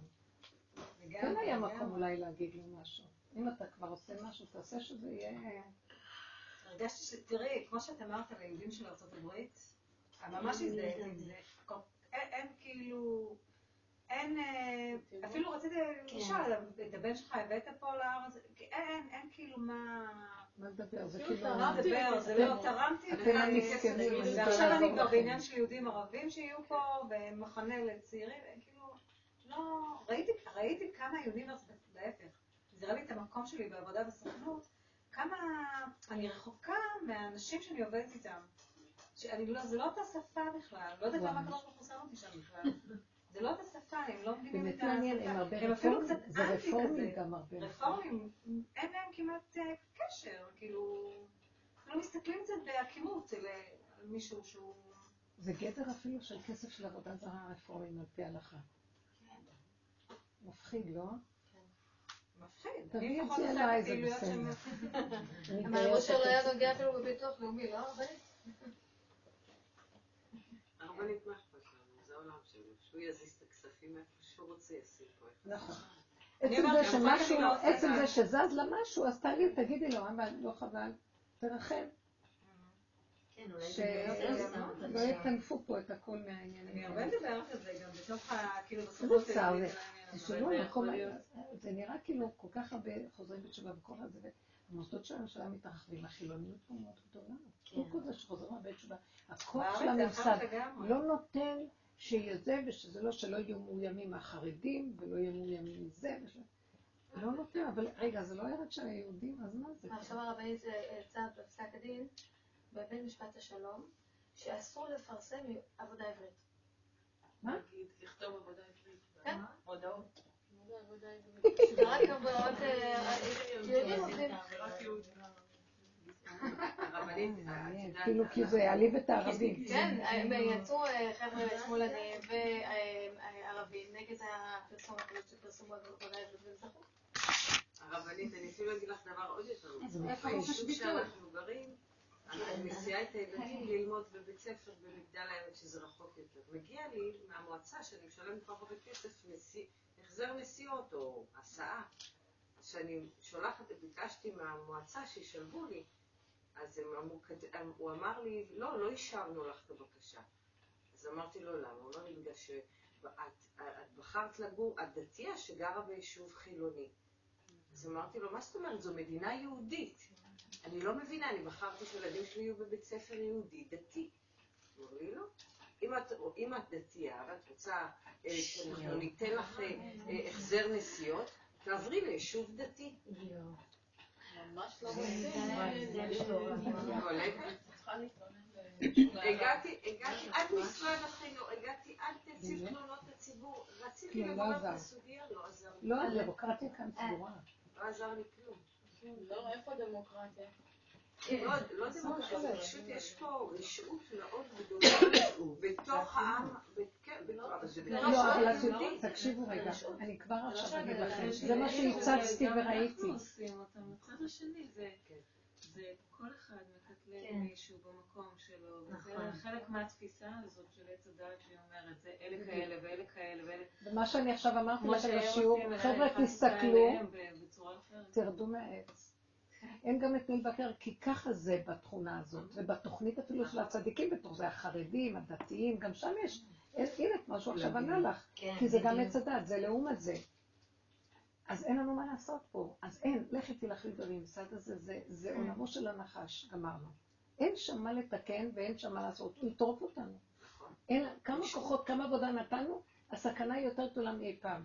נהייתי עוד יותר חלשה, עוד יותר קטנה, והם עוד יותר גדלו. תקשיב, זה מוגזם, אז אם כן, מה שאתה עושה לי, הוא אומר לי, תרדי, תרדי. ואל תחשבי, תלכי. עצם זה שאני כאילו מתלוננת, אז אני עוד כאילו חושבת שאני במיטבי יושבת, וכאן רק במקרה קורה משהו, ובואו נגיש איזו עצומה, או בואו נעבוד על זה. רבותיי, אני קולטת, אין פינה שהיא לא מעוותת. אז גמרנו, זהו. אז אין מה לעשות, שקט, זה לא המדינה שלנו, זה כלומר, כי גר אנוכי בארץ, אנחנו תושבים זרים פה. אמרתי לו, אין לי ארץ אחרת, אתה ארץ שלי. באמת, זה כבר הדלת אמות כאן, זה הארץ כרגע, הנשימה, אתה וחי וקיים, ואפילו מושגים של תורה, אני לא מרגישה ש... רבותיי, באמת, יש לי שנים של גזעת תורה מאוד גדולה, אני לא אומרת שיש לי כל כך הרבה שנים של השקעה של לימוד של נגמר לי הכל, אני לא יכולה, אני לא יכולה להסביר לפעמים את הפרשה. אין לי כוח למושגים, נכון. אין לי כוח לסיפורים, אין לי כוח לכלום, אני אומרת, זה גדול, זה גדול, זה, אני קולטת מה זה תודעת, תורת עץ הדת, הלוחות נשברו ואני רואה מה קרה, יותר ברור לי. אני רוצה לחזור ללוחות הראשונים, קטן, מהבשר, הבשר יודע כאן ועכשיו, וזהו, יש, יש ציוויים אלוקים, אבל הכל קטן, זה לא קטן, ספרים נכתבים, ועל גבי פסקים, תסתכלו כמה ספרים בכל הדורות, איזה אותיות קטנות, כמה פסקים, כמה סעיפים. הכל עץ הדת. זה גאוניות, איך בכלל היה יכול להיות לנו כזה שכל להיכנס כזה מקום כשהגאונים נכנסו בזה. אבל הם נכנסו כדי לתקן, כי דומה ודומה מתקן. אה, רק לפלפל מספיק, לא צריך לעשות כלום. היו גאונים שרק למדו ופלפלו. אפילו לא לפסקי הלכה. וזה היה בשביל לתקן את הנחש, זה לעומת זה. הפלפול כנגד הבלבול של עץ הדת. ואני מסתכלת ואני אומרת, וואי, די, די. זה, זה לא יאומן כמה, כמה ספרים, כמה אותיות, כמה סיפורים. אני כבר לא יכולה להכיל. רק רגע קטן אחד. תבינו מה אני אומרת? זה, זה התורה. מהרגע ומהבשר. לא זה מה שהילדים מרגישים. לא, אל תגידי להם. אל תגידי להם, אל תגידי. אבל המחשבות שלי עוברות... לא, לא, לא לא, צריכה לא. להגיד את זה. מחשבות לא עוברות, לא. אבל את זה הילדים את והם זה הם. לא, אבל הרבה ילדים מרגישים את זה, זה ממש הילדים מרגישים, אבל יש משהו. שהם עוד לומדים בדרך זה, אבל הולך ליפול, הכל לא, הולך אבל ליפול. ילדים שיש להם קשר הרבה הולך ליפול, אני אומרת לכם. הם מרגישים, אני גם מרגישה. העובדה שהמון ילדים יושבים ומרגישים כן, משוממים זהו. גם, אבל הם לא יכולים להכיל את זה. דעת. הם לא יכולים להכיל. כי כאילו באמת, כמו שאת אומרת, לא- לא צריך את זה פתאום. לא זה מלא אינפורמציה, כן. שהמוח לא יכול לתפוס אנשים יושבים. בישיבות וגם לא יכולים יותר מדי ללמוד, צריכים גם קצת כוח מעשה ולעשות משהו. כאשר הדעת מתחילה לה- כן, להתערער. שיהיה ברחמים. וכשהיא נופלת ואין לנו איזה כיוון לאן, חוץ מזה, זה מסוכן מאוד. זה פתאום שיממון נוראי, מפחיד. נכון. אנשים לא יכולים רגע בלי הפלאפון, או בלי משהו שיהיה להם מה לעשות בלי זה. לא, גם בשביל הדרך הזאת היינו צריכים דעת בהתחלה. ברור, כי זה כאילו, דומה בדומה כי אם זה מתקן. נופל, אז גם חלק מזה נופל, כאילו... כי הסתכלנו מהדעת לדעת, כן. עד שבכלל הכל. השם יעזור לנו ויהיה לנו ממש ישועה של גילוי השם. איך שזה ככה. אל תתרגשו, וצמצום קטן. כל פעם תחזרו לקטן, כאן ועכשיו, ואל תיתנו לרגש למשוך אתכם ולדעתנות. כאן וכאן. כל הזמן הברומטר על הבשר. לא יכול, לא רוצה. תשמרו על השפיות, כי זה די מסוכן.